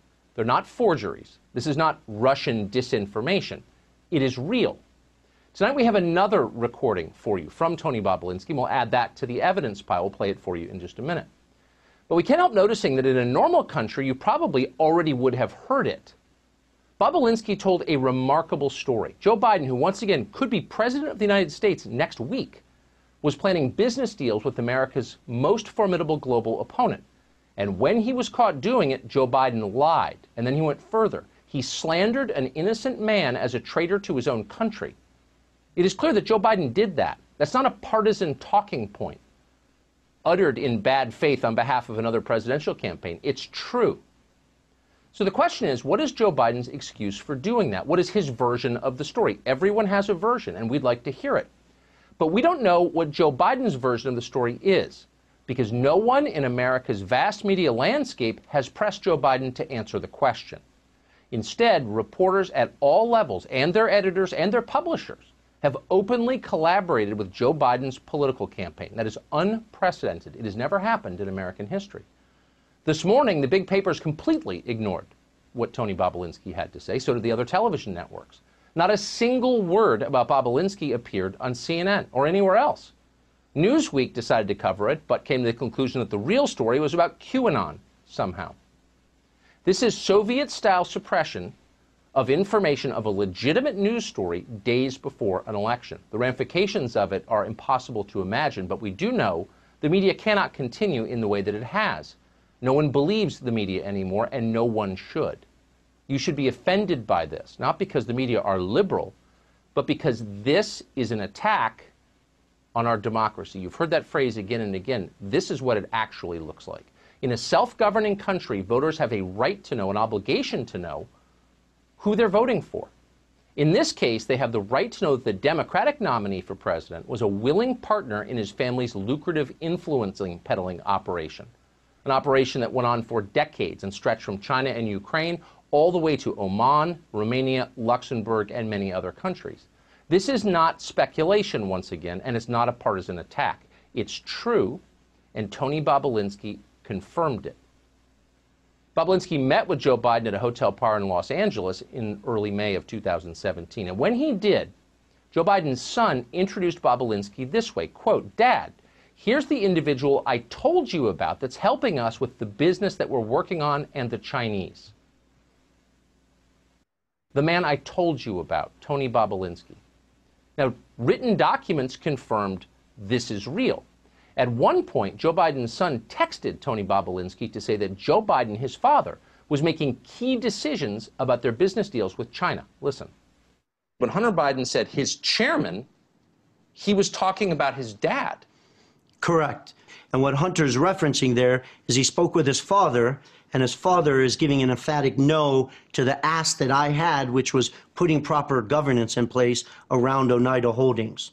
So Joe Biden is vetoing your plan for putting stricter governance in the company. I mean, and, and it's it's right here in the emails. Yeah, Tucker, I want to be very careful in front of the American people. That is not me writing that. That is not me claiming that. That is Hunter Biden writing on his own phone, typing in that I spoke with my chairman, referencing his father. Exactly. That is not Tony Bobulinski's word. It is spelled out in the clearest possible language in documents that Bobulinski provided us and documents that subsequently federal authorities have authenticated as real. On May 13, 2017, for example, Hunter Biden got an email explaining how his family would be paid for their deal with the Chinese energy company. His father, Joe Biden, was getting 10%. In that email, there's a statement where they go through the equity. Jim Biden's referenced as, you know, 10%, doesn't say Biden, it says Jim. And then it has 10% for the big guy held by H. I a thousand percent sit here and know that the big guy is referencing Joe Biden. Um, it's that's crystal clear to me because I lived it. I met with the former vice president in person multiple times. So that was three years ago, and we still don't know where all that money went. We don't know because the media haven't forced Joe Biden to tell us.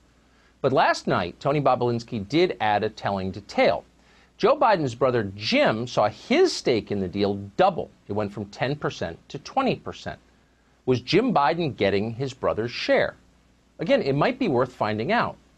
We also know that according to an email from a top Chinese official, this one written on July 26, 2017, the Chinese proposed a $5 million interest free loan to the Biden family, quote, based on their trust in the Biden family. The email continued, quote, should this Chinese company, CEFC, keep lending more to the family? And indeed, CEFC was supposed to send another $5 million to the Biden's business ventures. Apparently, that money never made it to the business. Where did it go? A recent Senate report suggests it went to Hunter Biden directly. And from there, who knows? Again, no one's asked. Tony Bobulinski also told us he learned Hunter Biden became the personal attorney to the chairman of CEFC, Ye Jianming, just as they were tendering 14% of the Russian state owned energy company. That was a deal valued at $9 billion. It's pretty sleazy. It's pretty amazing, actually, that this happened and no one noticed. The bottom line in all of this, and we're not going to spend the next six months leading you through a maze of complex financial transactions. This isn't that complicated at its bottom line. Here's the bottom line millions of dollars linked directly to the Communist Party of China went to Joe Biden's family. Not because they're capable businessmen, they're certainly not. His brother Jimmy Biden's one business success appears to have been running a nightclub in Delaware. Ultimately, that went under. No, they were cut in on the world's most lucrative business deals, massive infrastructure deals in countries around the world for one reason because Joe Biden was a powerful government official willing to leverage his power on behalf of his family. Now, if that's not a crime, it's very close to a crime, and it's certainly something every person voting should know about. The Bidens didn't do this once, they did it for decades. So the question is, how did they get away with it for so long? Tony Bobulinski asked Joe Biden's brother, Jimmy, that question directly. And to his credit, Jimmy Biden answered that question honestly. Watch. And I remember looking at Jim Biden and saying, How are you guys getting away with this? Like, aren't you concerned? And he sort of he looked at me and he laughed a little bit and said, uh, Plausible deniability. He said that out loud? Ah, yes. He said it directly to me, one on one in a cabana at the Peninsula Hotel. Plausible deniability. In other words, we lie. We get away with selling access to the U.S. government, which we do not own, because we lie about what we're doing. And as we lie, we try to make those lies plausible. That's why we call it plausible deniability. That is the answer that Joe Biden's brother gave when asked directly. So the question is, what is Joe Biden's answer to that question? We wish we knew.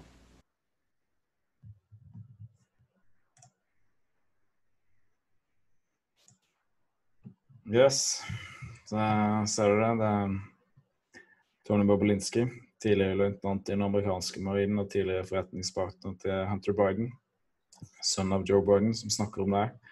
Det var litt av det samme, samme som jeg egentlig snakka om sist, men nå det kommer mange, mange flere beviser. Så man har messa masse bevis. Eh, masse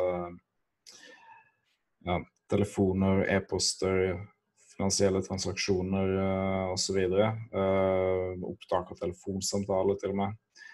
Så um, masse bevis da, på at, um, på at Biden-familien Hunter Biden og broren til Joe Biden, Jim Biden, har drevet dratt rundt i verden og, og brukt Biden-familiens navn til å bli med i ulike forretningsprosjekter og fått enkle penger. Og så òg at uh, Joe Biden har visst om det her veldig godt, selv om han benekta det. Og at han har da òg uh, fått 10 uh, i hvert fall i visse tilfeller 10% av uh, fortjenesten til Hunter Biden. Så Ja. Det jeg egentlig gjør, er at det selger, som, som, som Tucker Carlson sa, at det selger tilgang til de amerikanske styresmaktene. Så det er jo det som er motivet til de som lar de få de enkle pengene på de ulike forretningsprosjektene, at de, de, de vil at de vil ha tilgang da, til, de amerikanske styresmaktene. For at vet at Biden er på en måte høyt oppe i uh, en, en innflytelsesrik politiker i USA. Så ja, graverende. Det er på en måte ja, snille Joe Biden-valget her. Folk snakker om at snille og ærlige og fine Joe Biden mot den på en måte slemme, frekke Donald Trump. Og det er kanskje ikke nødvendigvis uh, sant.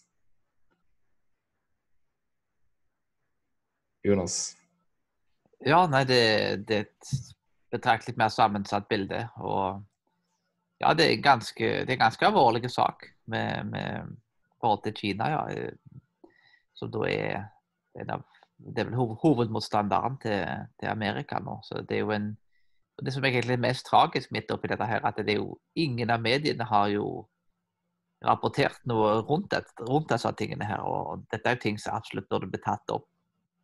Og um, han uh, New York Post-redaktøren, han, uh, han ble jo anklagte faktisk han grunnleggeren av Twitter, Jack Dorsey, for et høyteknologisk utpressing da, over, over, den Biden-historien. Så til og med Twitter, Facebook og altså, de store big tech og de, de, har i stor grad vært med egentlig og sensurert dette vekk, da, altså hjelp av mediene, som ikke har omtalt det nesten. Så dette her er jo, og det, det er tragisk, mener jeg. Altså, mediene bør ta opp eh, altså korrupsjon, samme om de kommer fra republikanere eller demokrater. Så det, det, er ganske skremmende utvikling vi har i Vesten nå, når, når du har egentlig et, et, et både, både, både, et politisk og, og teknologisk, og når, når medier i så stor grad er med å rett og slett undergrave og dekke over ting. Fordi at de favoriserer visse kandidater. Det, det, det er ikke en god utvikling for et velfungerende demokrati. Nei. Helt enig. Helt enig. Yes. Biden og olja. Hva mener eh, Neste sak, da. Hva mener Joe Biden om uh, oljeindustrien i US? Han vil da flytte seg vekk og vil egentlig legge ned oljeindustrien. Han har sagt forskjellige ting rundt det. da. Men uh, ja, han, han, vil rett og slett bli, bli kvitt oljeindustrien. Og det, det der, Jeg kan si mye, mye, om, mye om, akkurat det, men uh, noen av de tingene da som kan sies om det, er at uh, det er en ekstreme posisjon da, som ikke lar seg rettferdiggjøre. Vi har jo da partiet MDG i Norge, De Grønne, de har en lignende posisjon. De sier faktisk på, på hjemmesida at De grønne ønsker å gi oljeeventyret en lykkelig slutt. Derfor er vårt hovedkrav for å støtte regjering at det ikke åpnes for mer leting og utvinning av olje og gass på sokkelen. Og jeg vil oppsummere veldig kjapt i forhold til det vi har sagt før, at eh, det er på en måte å åpne opp for masse, masseinnvandring og slukke, inn, og slukke oljekranen samtidig er kanskje de, de posisjonene der, altså de, de tatt sammen, er kanskje noe av det aller dummeste som noen har blitt foreslått i, i, i både norsk egentlig og i, i, i verdenspolitikk generelt sett. mener jeg, altså det, det, er nærmest en oppskrift mener jeg, på, på egentlig å ødelegge økonomien til et land. Men nei, du, du, du, vil øke utgiftene, og så vil du fjerne inntektene. Men det, det, det, er nesten, det, er nesten, altså Jeg vet ikke om, om, om disse folkene sitter og røyker hasj dagen lang. da. Det, er nesten helt utrolig at de tingene her kan bli foreslått samtidig. Og jeg liker ikke å beskylde folk for, for, sånne ting, men, men uh, det er visse ting altså, som er så ekstreme at uh, det lar seg faktisk nesten ikke forklare på, forbi rasjonelle, rasjonelle kategorier. I, I, Norge så er jo 47% av eksporten da, i, i, Norge er, er olje. Mye av den norske økonomien jo, og velferdsstaten er jo opprettholdt og drevet av olja i Amerika så er 8% av eh, goods and services produced, altså GDP, da, det, er, da kommer jo da fra fossilt brennstoff, for, for olje. Så det er jo, Til og med Amerika så, så, så er jo det jo på en måte til en viss grad i hvert fall avhengige da, av, av olje. Og, her Et av problemene rundt dette her er jo at uh, ifølge da Alex Epstein, som har da ei hjemmeside som da heter Energy Talking Points, han er faktisk en, en filosof, en sekulær filosof, og jobber mye med dette stoffet her. Og han sier at solcellepanel er ikke bærekraftig. Atomkraftverk er jo demonisert, og, men det ville vært den beste måten da, å produsere billig energi på. Og det er jo en veldig sikker måte å produsere energi på. En ja, miljø, miljøvennlig. Ja, veldig miljøvennlig. Det skal være poeng med å få minst mulig CO2-utslipp og sånn, og så er jo det genialt. Da. Men, det er nest, ja. nest, det er ikke noe utslipp i det hele tatt. Da. Det er rent, det er trygt, eh, og det gir ekstremt effektiv energi, energiproduksjon. Altså, det, er, er, er, ikke noe gode argumenter mot det faktisk i det hele tatt. da. Ja, som, som, du sa i stad, det å åpne opp for masseinnvandring, det å stenge oljekranene. Hvis du til, legger i tillegg til det, det er å subsidiere masse sånne grønn kraft da, og grønne prosjekter som du må subsidiere til det hinsidige, så, så er det på en måte oppskriften på uh, å gjøre økonomien uh, kjempesvak uh, på rekordtid. Og, så det virker helt idiotisk. Men med mindre det er motivet så det, ja. Jeg skal ikke spekulere for mye andres motiver, men det er lett måte å tenke er det, er, det, er det det som er motivet? Er, det, altså, er motivet å ødelegge vestlig økonomi og ødelegge den vestlige dominansen i verden, som egentlig langt på vei er blitt ødelagt, og USA er verdens, det er fremdeles verdens eneste supermakt. Men jeg på en måte har motivet vært hele tida å svekke vår økonomi, svekke vårt samfunn. Uh, og, så, og så gjøre Kina kjempesterkt. Er det, er, på en måte, er, det så, er det et utslag av selvhat igjen, som vi snakker om? Er det det? At de vil på en måte at nå på en måte Vesten har hatt sin posisjon i historien, og på en måte er det nok? Jeg snakka med en person som faktisk sa det her eksplisitt. Da. Og så er det på en måte Hvorfor skal vi legge ned jeg på en måte hoppe over alle jeg snakka om, hva egentlig sannheten er om alle, alt med klima og sånn, og så sa jeg på en måte OK, la oss gjennomføre på en måte alle de eh, egentlig ganske ekstreme tiltakene som vi har allerede, da, men gjøre på en måte enda mer da, med grønt skifte og legge ned oljeindustri og sånn. Og så la Kina holde på som før. Um, da vil Kina bli den måtte, neste supermakten i verden og kjempe antidemok antidemokratisk. De internerer folk som de uh, mener ødelegger samfunnet. Og, og sånn uh, ja, muslimer faktisk òg, uh, de uigurene i uttalte det sikkert feil, i, i, Kina, som blir internert og tatt på omskoleringsleirer. Så er det på en måte spurte personen på en måte, hva, hva tenker du om det? Er det bra? Da sa personen ja, nei, men altså, Vesten har allerede hatt sin, på en måte, vært så dominerende så lenge, og sånn, så nå er på en måte Kina sin tur da, til å være en dominerende supermakt i verden. Så eh, kanskje. Jeg vet, ikke, vet, ikke, om det er representativt for alle på en måte miljø... miljø ja. Unnskyld uttrykket, klimafanatikere. Men ja, kanskje det er motivet til flere enn vi tror. Da. At det det som er det resultatet vi ser at det her logisk sett får, kanskje det er motivet. Og at det er sånn, alt det er snakk om å på en måte ta vare på jordkloden og, og være snille mot folk og sånn, at det, det er tull. Kanskje. Vet ikke. Han, eh, der er, der er både han Alex Epstein da, og en, en som heter Michael Schellenberg, da, som er en kjent miljøforkjemper. som er respektert verden rundt. Det er faktisk en ny dokumentar som er faktisk laget av Michael Moore, som heter 'The Planet of the Humans'. Og, og ja, i alle disse, altså Det er to, uh, Schellenberg og, og, Epstein, og så har du i dokumentaren delvis så blir det berørt der. De sier faktisk det, at dette er sekulære folk, det er ikke religiøse folk som sier det. Men, men de sier faktisk at det, det er et antimenneskesyn som ligger bak den grønne bevegelsen. Og la meg bare selv si at eh, jeg, er selv, jeg kjører selv elektriske bil, og jeg eh, syns faktisk at det er en del gode argumenter for å, å vektlegge kanskje gå mot en mer plantebasert måte å spise på. Jeg spiser kjøtt selv, men, men eh, det spiser mer plante. Altså, det er ting i den argumentasjonen i forhold til en grønnere tallerken som er positive. Så jeg er absolutt ikke imot en del av argumentene. Men, men, når du kommer til den grønne bevegelsen, så, så er det jeg synes den forklaringen virker veldig logiske og, og virker veldig konsekvent. De vil redusere befolkningen på jorda, og, og de, de, de, opphøyer naturen på bekostning av mennesket. Og, og, igjen, dette er sekulære folk som sier dette, som det er spesialister på, på klima og, den type ting. Og Når du går tilbake til Bibelen, så, så, så finner det i første Mosebok kapittel 1 vers 28 så står det Gud, uh, Gud velsignet dem og sa til dem, vær fruktbare og bli mange, full jorden og legg den under dere. Dere skal råde over fisken i havet og over fuglene under himmelen og over alle dyr som det kryr av på jorden. Altså Vi skal fylle jorden og legge den under oss. Og Bibelen vektlegger jo da en, en, en ansvarlig forvaltning av natur og dyr. Men, men mennesket skal da være over naturen og dyrene.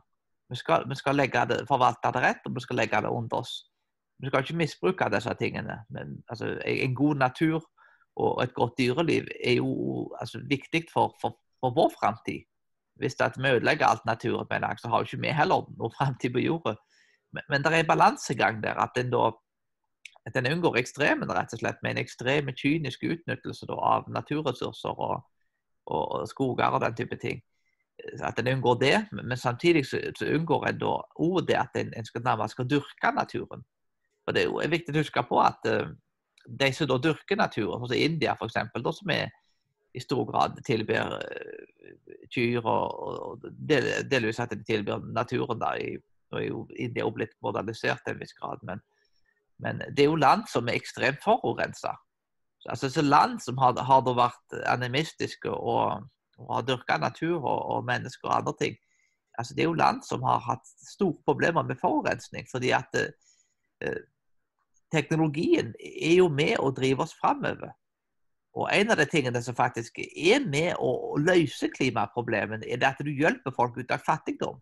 Du bruker, bruker modernismen, teknologien og vitenskapen til å få folk ut av fattigdom.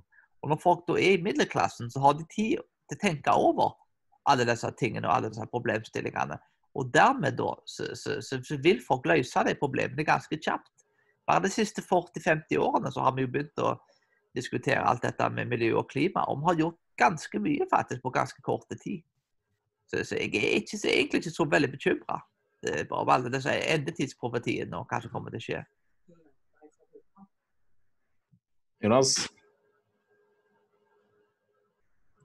Så det er iallfall kan være Jonas, du falt litt ut. Du må hoppe tilbake Du må hoppe tilbake 20 sekunder, kanskje. Endetidsprofetier, sa du? Du er ikke så bekymra ja, for endetidsprofetier, så hopper du ut? vi må, må avvise det med, det med endeprofetier og så bare godta at vi, vi, har egentlig kommet ganske langt midt oppi alt dette her. og Vi har funnet gode løsninger. Og, og om vi får 10-20 år til på oss med den teknologiske utviklingen, så tror jeg mange av de klima- og miljøproblemene da vil bli løst. Ja, jeg er helt enig. Eh, hva tenker du med sa Joe Biden at han vil legge ned oljeindustrien? i debatten? Eh, han sa det vel ikke akkurat i, i, i uh, debatten, men han, han, vil jo bli kvitt bl.a. fracking. Og så vil han da bevege seg mot å bli kvitt oljeindustrien. Ja, jeg beklager, det var kanskje lurespørsmål for meg. Eller jeg, jeg så jo debatten. Han sa jo at han ville Jeg husker ikke hva han sa, men han sa at han gradvis ville avvikle oljeindustrien. Ja. Jeg mener det. Men så ja, at han ville, ville avslutte oljeindustrien, men gradvis. Men etterpå han ble han, ble konfrontert av Trump rett etterpå, så benekta han det med en gang. da. Så det er en veldig merkelig merkelig hva han egentlig mener. Mm. Yes, men La oss hoppe videre til neste sak. da. Jack Dorsey driver selektiv sensur, sensur av Trump. Du har undersøkt den saken litt, uh, Jonas? Ja, det var, Trump ble jo da sensurert 65 eh, ganger på, på Twitter, og, og, Biden ble sensurert null ganger. Og som jeg nevnte tidligere, så var New York Post-redaktøren da anklagte jo Dorsey for å drive høyteknologisk utpressing over står story. Dette her er jo da tilknytta til eh, flere andre ting. Altså Du har et eksempel der Dorsey da, han ser ikke på holocaust-fornektelse som feilinformasjon, men han ser på da 65 av de tingene som Trump har sagt som feilinformasjon. Du kan fornekte holocaust, kanskje, det er helt i orden. Men, men Trump har ikke lov til å si de tingene som han, han, vil si. Og Dette går tilbake til det at Jack Dorsey, da, han som grunnla Twitter, har gitt masse penger bl.a. til kritisk raseteori. Uh, til, altså, til, til, et senter da, som heter Antirasistisk Research Center, som er av en som heter Ibram Kendis. Og for meg så er det beste forklaringen med tanke på at Jack Dorsey sto foran den amerikanske regjeringen og, og laug om disse tingene her. At han drev ikke sensur eller noen ting. Og det, det var nesten noe av det mest uh, ja, det, det, det, altså det, er åpenbart at, at det er en selektiv sensur på gang, kan du si. Og så står de og lyver om det altså foran uh, altså på, på, på, altså på, nasjonal TV, da, som er tilgjengelig for alle. Så det er en, uh, det er en tragisk utvikling, da. Det, er det absolutt. Og det går tilbake til denne krig, altså kritiske raseteorien at uh, hvis uh, folk da skal forsvares, mens, mens andre folk da skal, skal, skal angripes med hensyn til hvilket politisk ståsted de har, og hvilke saker de støtter. Du blir ikke lenger behandla som, som, som, et individ der objektiviteten teller, men uh, du blir da behandla som altså, hva, hva ideologi du støtter, og, og du, en annen stilling da, med hensyn til det. Så det er jo en uh, Big Tech fortsetter å, å sensurere da. De, de, de, mener du har feil syn. Og det, det er forunderlig at det alltid er konservative som, som, har feil syn på ting. Men, mens igjen, Trump har åpenbart drevet på med feilinformasjon 65 ganger, og Biden har gjort det null ganger. Og det, det stemmer enkelt og greit ikke, da. Det... Det er som han uh, Ted Cruz, han er republikanske senatoren fra Texas, sammenligna sammenligna Twitter med en uh, demokratisk superpack, altså Political Action Committee. Og det er det det, det oppfører seg som, da. Og som du sa, altså det sensurerer jo ikke tweets der det blir stilt spørsmål om holocaust var sant eller ei, men de markerer da tweets fra Trump om um, fall, uansett om det er diskutabelt eller ei, så er det iallfall ikke noe som, som, er på nivå med å, med å fornekte holocaust. Så Det har ikke direkte fjerna noen tweets fra Trump, men det har gjort sånn at du må trykke det gjennom at det står sånn her, at det her er på en måte tvilsomt, det som står her. Og så ser du ikke tweetene, så må du trykke deg inn på tweeten for å se den. Så det er jo andre tweets der det har vært tweet, og så en måte markert under. Der jeg skriver noe som er um, motsatt av det som står Trump skriver. Så ja ganske graverende saker. Ja, så har vi jo en, eh, en teolog som vi begge respekterer, John Piper. Som jeg syns er ja, kjempefin og bra teolog og tidligere pastor. Men han eh, da likestiller altså da støtte til, eh, til Trump og Biden så er på en måte på samme nivå. Han sier vel at han ikke skal stemme på noen av dem. Stemmer ikke det, Jonas? Ja, han mener jo at det er nærmest Eller... Unnskyld? Det er nærmest Hva, hva sier du? Nei, bare fortsett. Beklager.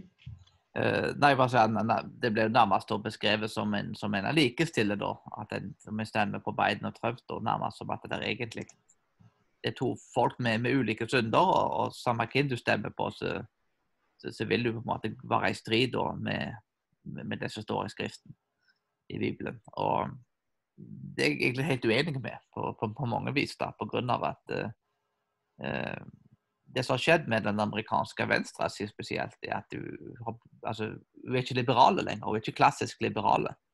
Og igjen, vi kan se på Dave Rubin eksempel, som en, en, en homofil artist. Og uh, Alan Dersowitz, som er også en sekulær jøde, en, Harvard-professor, en, en, veldig kjent offentlige intellektuelle, da, en demokrat som stemte Hillary Clinton, har, sagt det selv, og i tillegg da, til mange andre. New York Times, uh, Bari Weiss heter vel hun som fikk sparken. Skal, skal Alan Derwich uh, stemme på Trump? No? Uh, nei, nei de, de, stemmer ikke på Trump, men, men Dave Rubin har sagt at han skal stemme på Trump. Han sa det allerede i, sa han allerede i juli, tror jeg. Men en ja. video på Michael Olsen YouTube-kanal som var ganske skjult. Og nå gikk han ut på Fox News også, for noen ja, dager siden og sa at han kommer til å stemme på Trump. Da. Han, han, har gjort det klart, men, men alle, alle, disse tre, tre da, i New York Times som, som da, og Dette er jo på en måte selv eh, har iallfall vært eh, demokrater og venstrefolk, eller liberale, da. Sier da at den radikale venstresida har overtatt det demokratiske partiet. At de har, de har blitt ekstreme da, på, på, veldig mange ting. Og Det er ikke snakk om det er helt i orden at folk har ulike posisjoner, men, men de er rett og slett imot da, altså det første amendment altså religionsfrihet, uttrykksfrihet, alle disse tingene, de, de kommer til å ryke da, hvis, at, hvis, hvis, hvis demokratene blir valgt inn. Uh, du kan bare tenke eh, for eksempel, med eksempel med støtten til Israel, for eksempel, er jo en, uh, ofte en, en, det eneste demokratiet i Midtøsten. Uh, er noe som jeg ikke sitter noe ved inntrykk av at det kommer til å få noe støtte. Obama var jo kanskje den mest israelsfiendtlige presidenten som Amerika noen gang har hatt. Ehm, du har eh, Equality Act, da, som har med støtten da, at en likestiller da, eh, homofilt ekteskap med, med, med altså Hvis du, du, er imot det, så, så altså, og handler på det da, i, altså, i, i offentlige sammenhenger eh, At du er uenig med folk, at du ikke ansetter folk og den type ting. Eller deltar da i bake kaker og deltar i aktiviteter. Så, så blir du behandla som, som, som en rasist. Altså med andre ord, Du diskriminerer mot selve identiteten til folk, og ikke mot handlingen til folk. Så, så, det, så det, er jo en, en, en, en veldig farlig faktisk lov da, som Biden har lovt at han skal få inn med en gang. Og det, det vil ødelegge egentlig religionsfriheten. Der er ikke Det første amendment er ferdige. Altså, det første amendment er jo skrevet først fordi det er den viktigste friheten. Og Det kommer til å forsvinne helt. Ytringsfrihet, religionsfrihet og samvittighetsfrihet, Vi som snakker mye om frihetsverdier, de er helt ferdige. Legger du til abort og, og, rettsforståelsen, at du faktisk har dommere som leser Grunnloven og leser ting som det står faktisk i teksten. Du, du får aktivister som dommere inn. Så dette er beklagelig. Jeg skulle ønske at, at, det hadde vært et valg eh, mellom liberale og konservative. Og jeg mener jo at både liberale og konservative altså Det er der politikken bør være, og det er det det bør handle om. Mens, mens hvite nasjonalister, da, altså ytre høyre og ytre venstre, dette er jo ting som, både konservative og liberale må unngå. Men, men, det som har skjedd nå, i motsetning til hva du hører da i norske medier, i Amerika så er det konservative frihetsorienterte. Mens, mens venstresida har, har, egentlig nærmest renska ut de liberale og, og blitt overtatt. da, altså, Demokratene har blitt overtatt av, av, av den lokale venstresida. Og dermed så, så, så, er det faktisk ikke et, et altså, valg altså, Det er et valg egentlig mellom frihet og slaveri. Eh, det er fælt å måtte si det, da, men, men, men Trump representerer faktisk i mye større grad eh, frihet og, og, og, vestlige verdier, da, som ville være bra for alle. Mens, mens, mens Biden da, han eh, representerer beklageligvis da, mye av det den ytre venstre står for. Og det, det, er faktisk ikke så enkelt som, som John Piper sier, da, at det er liksom en og John Piper sammenligner det liksom at en, en, en mann som skryter og er stolt og den type ting, at sammenligner det nærmest med med abort. Men det, det, det, det, er jo en ganske, en ganske stor forskjell på, på, de to syndene. Altså, en abort er jo mye mer alvorlig enn en, en, en, en, stolt og arrogant holdning. Og nå må vi si som kristne at Trump er jo ikke noe moralsk forbilde. altså Jeg ville ikke hatt han som pastoren min. Det, det, kan jeg si med god samvittighet, og det antar jeg ikke at dette du heller ville. da. Men, uh, men har alvorlige karakterfeil. Men det vil jeg si at det har jo Biden nå. Og Det er jo et av argumentene da, til Grude. At begge har store karakterfeil, og du ville ikke hatt noen av dem som pastorene. Trump kan oppføre seg som en bølle, mens, mens, Biden er jo alvorlig involvert da, i korrupsjon og har, har løyet mye i det offentlige. Så, så, men her er det et spørsmål, da. Hvis du har to stykker da, som ikke lever opp til den moralske standarden, da må en spørre seg selv hvem da har et kristent livssyn. Hva politikk er mest forenlig med det kristne livssynet? Og For meg så er det, det er åpenbart at, at altså om, om, om, Trump tror på det sjøl eller ikke, det, det er ubetydelig for meg. Altså, han, han, har iallfall en, en politikk da, som er mye mer forenlig med et kristent livssyn enn, enn det Biden har. Biden har faktisk gått mot en retning der han, han er blitt antikristelig faktisk i, i, i politikken. Jeg tror, ikke, jeg tror, ikke, Biden er antikrist, for det er sagt. Men, men, men, politikken da er jo altså, i veldig sterk strid da, med, med, med det som er et bibelsk livssyn. Eh, vi kan nevne det med eh, bare med fornybar energi og det grønne skiftet, bli kvitt olje f.eks. Er katastrofale politikk som har ødelagt mye av California. Altså Den grønne politikken i California nå. altså Folk flykter fra California, de vil ikke bo der. Og, og Hvis han vinner, så får du mer av den typen politikk da, i, i resten, resten, av Amerika. Equality Act, heterofilt ekteskap igjen, og ytringsfrihet, religionsfrihet og samvittighetsfrihet. Og abort og dommere da, som faktisk ikke vil følge loven hvis, hvis, hvis Biden vinner. Så, så det, dette er alvorlige ting egentlig som, eh, som, som, vil få fatale konsekvenser. Og jeg syns egentlig Gruden faktisk har rett her å advare mot disse tingene. Og jeg syns faktisk at eh, Piper er veldig svak her. Til tross for han er god på mange andre ting, så, så, så er det veldig svakt av han at han ikke klarer å se og være klartenkt i denne sammenhengen. Hva tenker du om det?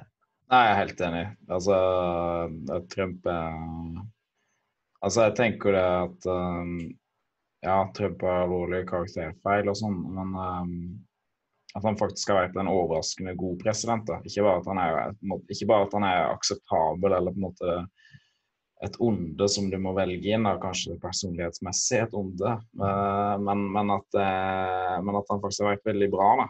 Bedre enn George W. Bush f.eks. Mye mer konservativ, mye mer handlekraftig. Så mener jeg at han f.eks. har vært veldig klar på, på, at han har vært imot selvbestemt abort. Og det kan jo være at han egentlig ikke er imot det sjøl, men han har iallfall utad offentlig gått ut og sagt at han er, at han er imot det. Og det, det er fantastisk. Det uansett om man mener det eller ikke, så er han president i USA. og det er I kraft av sitt embete at han sier det, så er det fantastisk. Jeg tror faktisk han mener det. Så, og på utenrikspolitikken har det vært utrolig bra.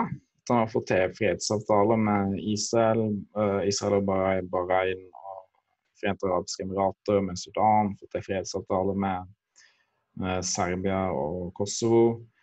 Så han har tatt initiativ til å få fred med Nord-Korea og vært villig til å møtes med lederen der. Jeg ser ikke noe galt i det, så at han har forsøkt.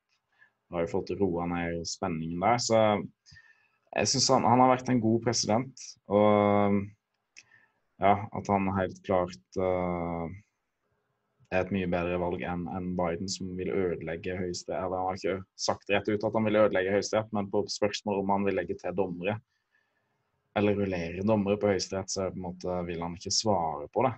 Det, det, det, er jo helt vilt å ikke ville svare på det. Det burde vært en selvfølge at en ikke vil gjøre det. Og det Antall høyesterettsdommere i USA er altså, greit nok, det er ikke lovfesta i Grunnloven, men det har vært eh, ni dommere i, på, i den amerikanske høyesteretten siden 1863, tror jeg. Iallfall 1860-tallet en gang. Så du kan ikke bare plutselig bryte den tradisjonen bare for å få vilja di. Um, og det har vært spekulasjoner om å legge til stater. Ligger Washington DC til en stat? Det er jo ikke en stat. Det er avsondra område fra resten av USA, siden det er der hovedstaden ligger. Legge til Puerto Rico, som er et protektorat. Legge til det som en stat til USA. Og begge de to stedene ville stemt overveldende demokratisk og det ville ødelagt hele det amerikanske demokratiet. Det har vært en tradisjon i amerikansk historie å hele tiden legge til um, en uh, replikansk stat og så en demokratisk stat hele tida. Sånn at for å beholde balansen, sånn at ikke ett parti skal føle at det blir, blir uh, ødelagt politisk ved at det legges til nye stater. Så um, det var jo den støtten til kritisk raseteori og noen identitetspolitikken som er utrolig ødeleggende i, i, i, USA. Det er jo en egen episode bare det. da. Men så er jeg helt enig. Trump er mye mye bedre alternativ enn Joe Biden. Og ikke bare at han er et bedre alternativ. Jeg vil også si at han har vært en bra president, uavhengig av hva alternativet er. Så ja. Apropos det, jeg kan avslutte med den gladsaken. med Amy Coney Barrett ble godkjent til Høyesterett i USA. Det var jo eh, utrolig bra. Så nå før valget, og fikk, eh, ble sverga inn av uh, høyesterettsdommer Clarence Thomas. Han uh, svarte, konservative høyesterettsdommeren. Så ja, kjempebra. Så, ja, jeg håper Trump vinner på, nå på tirsdag, vel. 3.11. Og jeg tror han vinner, men vi får se. Så det blir spennende. Jonas? Ja, det, det, blir, det, blir, veldig spennende å se ja, hvordan, det, hvordan, det, kommer til å gå. Og det, det får se om jeg, om jeg blir oppe eller natt eller ikke. Men det, det er iallfall uansett spennende at, han, at du ble da godkjent da, før, før, før, valget. Og Det er veldig viktig at uh, altså det, det, er jo en, en interessant ting med, med de uh, Supreme Justice-dommerne, uh, at de, de, som er konservative, har, har, i mye større grad stemt begge veier. Altså de, de mye, altså har forholdt seg egentlig mye mer objektivt til, til Grunnloven. Og de leser jo Grunnloven for det det står. Mens dommerne på venstresida, som er mer venstreorienterte, de, de, de, har som regel stemt likt nesten på alt. Og, og Det viser jo egentlig at det, det, er mye mer aktivistisk forståelse av, av, av retten. At dokumentet og Grunnloven er et flytende dokument der du leser inn ditt, ditt eget syn. Nå, nå, burde jo ikke Supreme Court egentlig vært eh, altså, Den burde jo ikke hatt den makten som man har i utgangspunktet, uavhengig av hvem som har, har mest seter. Så jeg hadde vært opp til meg, så hadde jeg på en måte fjerna makt egentlig fra den. Og så, og så, hadde de hvis du vil ha en ny lover, så må du gjøre det gjennom Kongressen og, og Senatet. Men, men, sånn er det jo ikke nå. Det er jo egentlig uh, disse dommerne nå som egentlig sitter på enormt mye makt. Men, men, men med tanke på at det er sånn, da, så er det iallfall godt at det er dommere som kommer inn som faktisk leser.